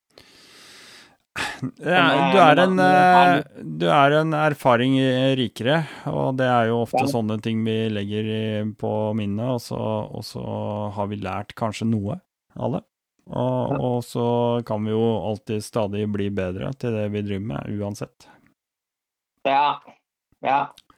Men som sagt, jeg, jeg tror det er Altså, det er eh, Jeg, jeg mener det er, er uflaks, da. Ja, ja. Fordi at, eh, fordi at eh, altså Det kan ha vært kjølevæske, det kan ha vært diesel akkurat, Ja. Ja, akkurat der. Så absolutt. Nei, nei, ingen som tar fra deg Ingen som skal ta, ta den, liksom. Det, det, sånt kan bare skje. Nei, men snuten, da, vet du. Ja. De skal jo ha meg inn til avhør. Jaha. For det, jeg har pratet med advokaten min, og han sier jo det at eh, liksom, dette er en singelulykke, og liksom, meg er det lett å ta. Og da, da får de en, et grønt kryss i vindkorona si, og så får de gitt meg en bot. da. Så jeg er litt spent på det, men nå har det gått såpass lang tid da, siden det har skjedd, så ja, Det er litt dumt at dette kom ut på ETA, for da kan du egentlig ikke si at jeg ikke husker ellers. Men eh, nei da, men eh, det, vi får ta den når den kommer. Ja. Nei, yes. Så Jeg mener at det, er, det var jo bare min sykkel, altså det var jo nesten ikke skade på sykkelen heller. Nei. Jeg fikk litt til å sjekke demper og sånn, og det kosta litt, da, for han måtte ha opp en kar fra Askim. Men, eh, men ellers var det jo liksom 16 000 i deler, liksom. Å ja. Såpass. Så det var jo ingenting. Mm. Ja, og med jobb, da. ja, ok. Ja. Så fothviler og noe styre og noe plastikk og så en hendel. da. Kløtsjen fra Magura, den er jævla dyr, da, men ellers så er det jo Det var jo nesten ingenting. Mm. Tårnet mitt klarte seg, og jeg tror ikke jeg skrapa potta mi eller noen ting. Nei. Så, så det gikk jævlig bra. Ja. Det var jeg som fikk verste trøkken. Sånn er det. Så Men uh, nå er det snart uh, nyttår. ja, det er det. Ja. Um, skal du ut og svinge rundt med stjerneskuddene på søndag, eller?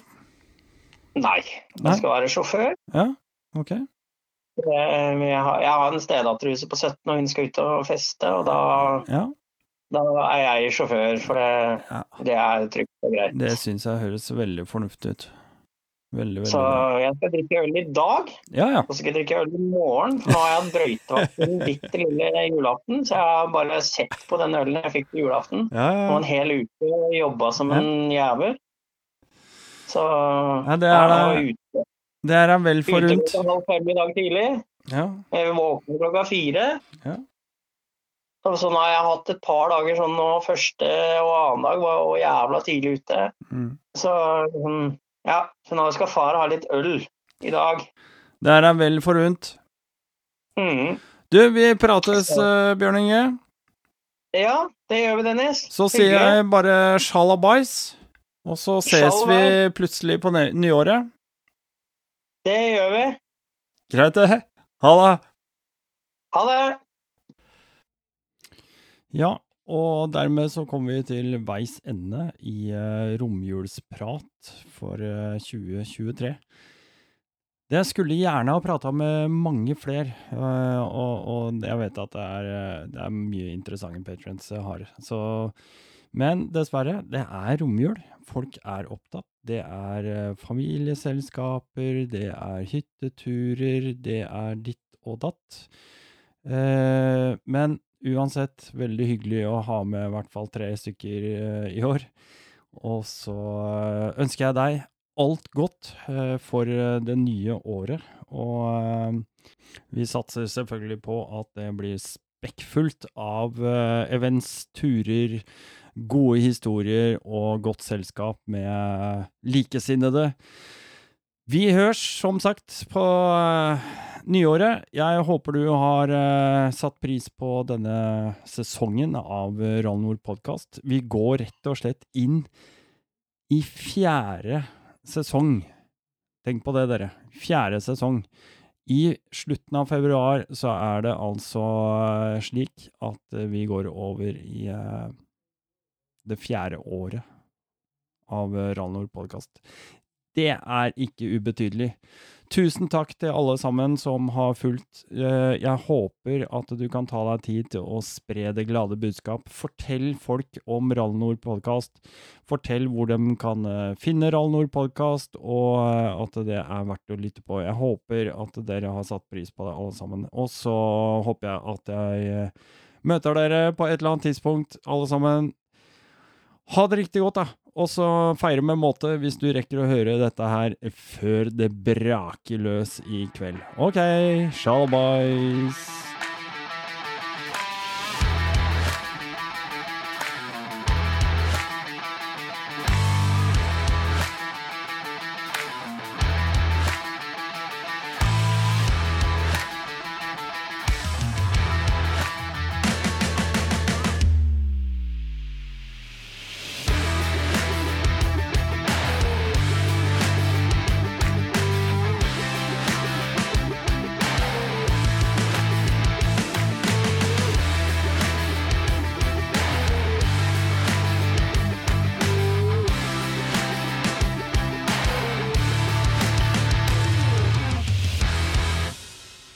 Om du liker det smale eh, temaet som du får levert, så husk at du kan støtte eh, podkasten ved å gå ned i episodebeskrivelsen under her. Da kan du klikke deg inn på Patrion-linken. Patrons er faktisk den eneste kilden til inntekter som kan drifte de nødvendige plattformene, og er derfor ekstremt viktig for å kunne fortsette å levere godt innhold til deg. Du kan velge å bidra uh, med to til fire liter bensin i måneden, og uh, få de siste episodene først, uten reklame og uten bullshit. Og om du vil finne ut mer om Rallynor, kan du også gå inn på www.rallynor.no. og der finner du også link til alle de offentlige utgivelsene så langt, og du har et tresifra antall med timer å lytte til. Ikke glem like og subscribe, og legg gjerne igjen en kommentar i feltet under. Spre det glade budskap, og så ses eller høres vi i en annen episode. Og med det her så takker jeg for denne gangen, og jeg sier rett og slett bare én ting. Shalabais.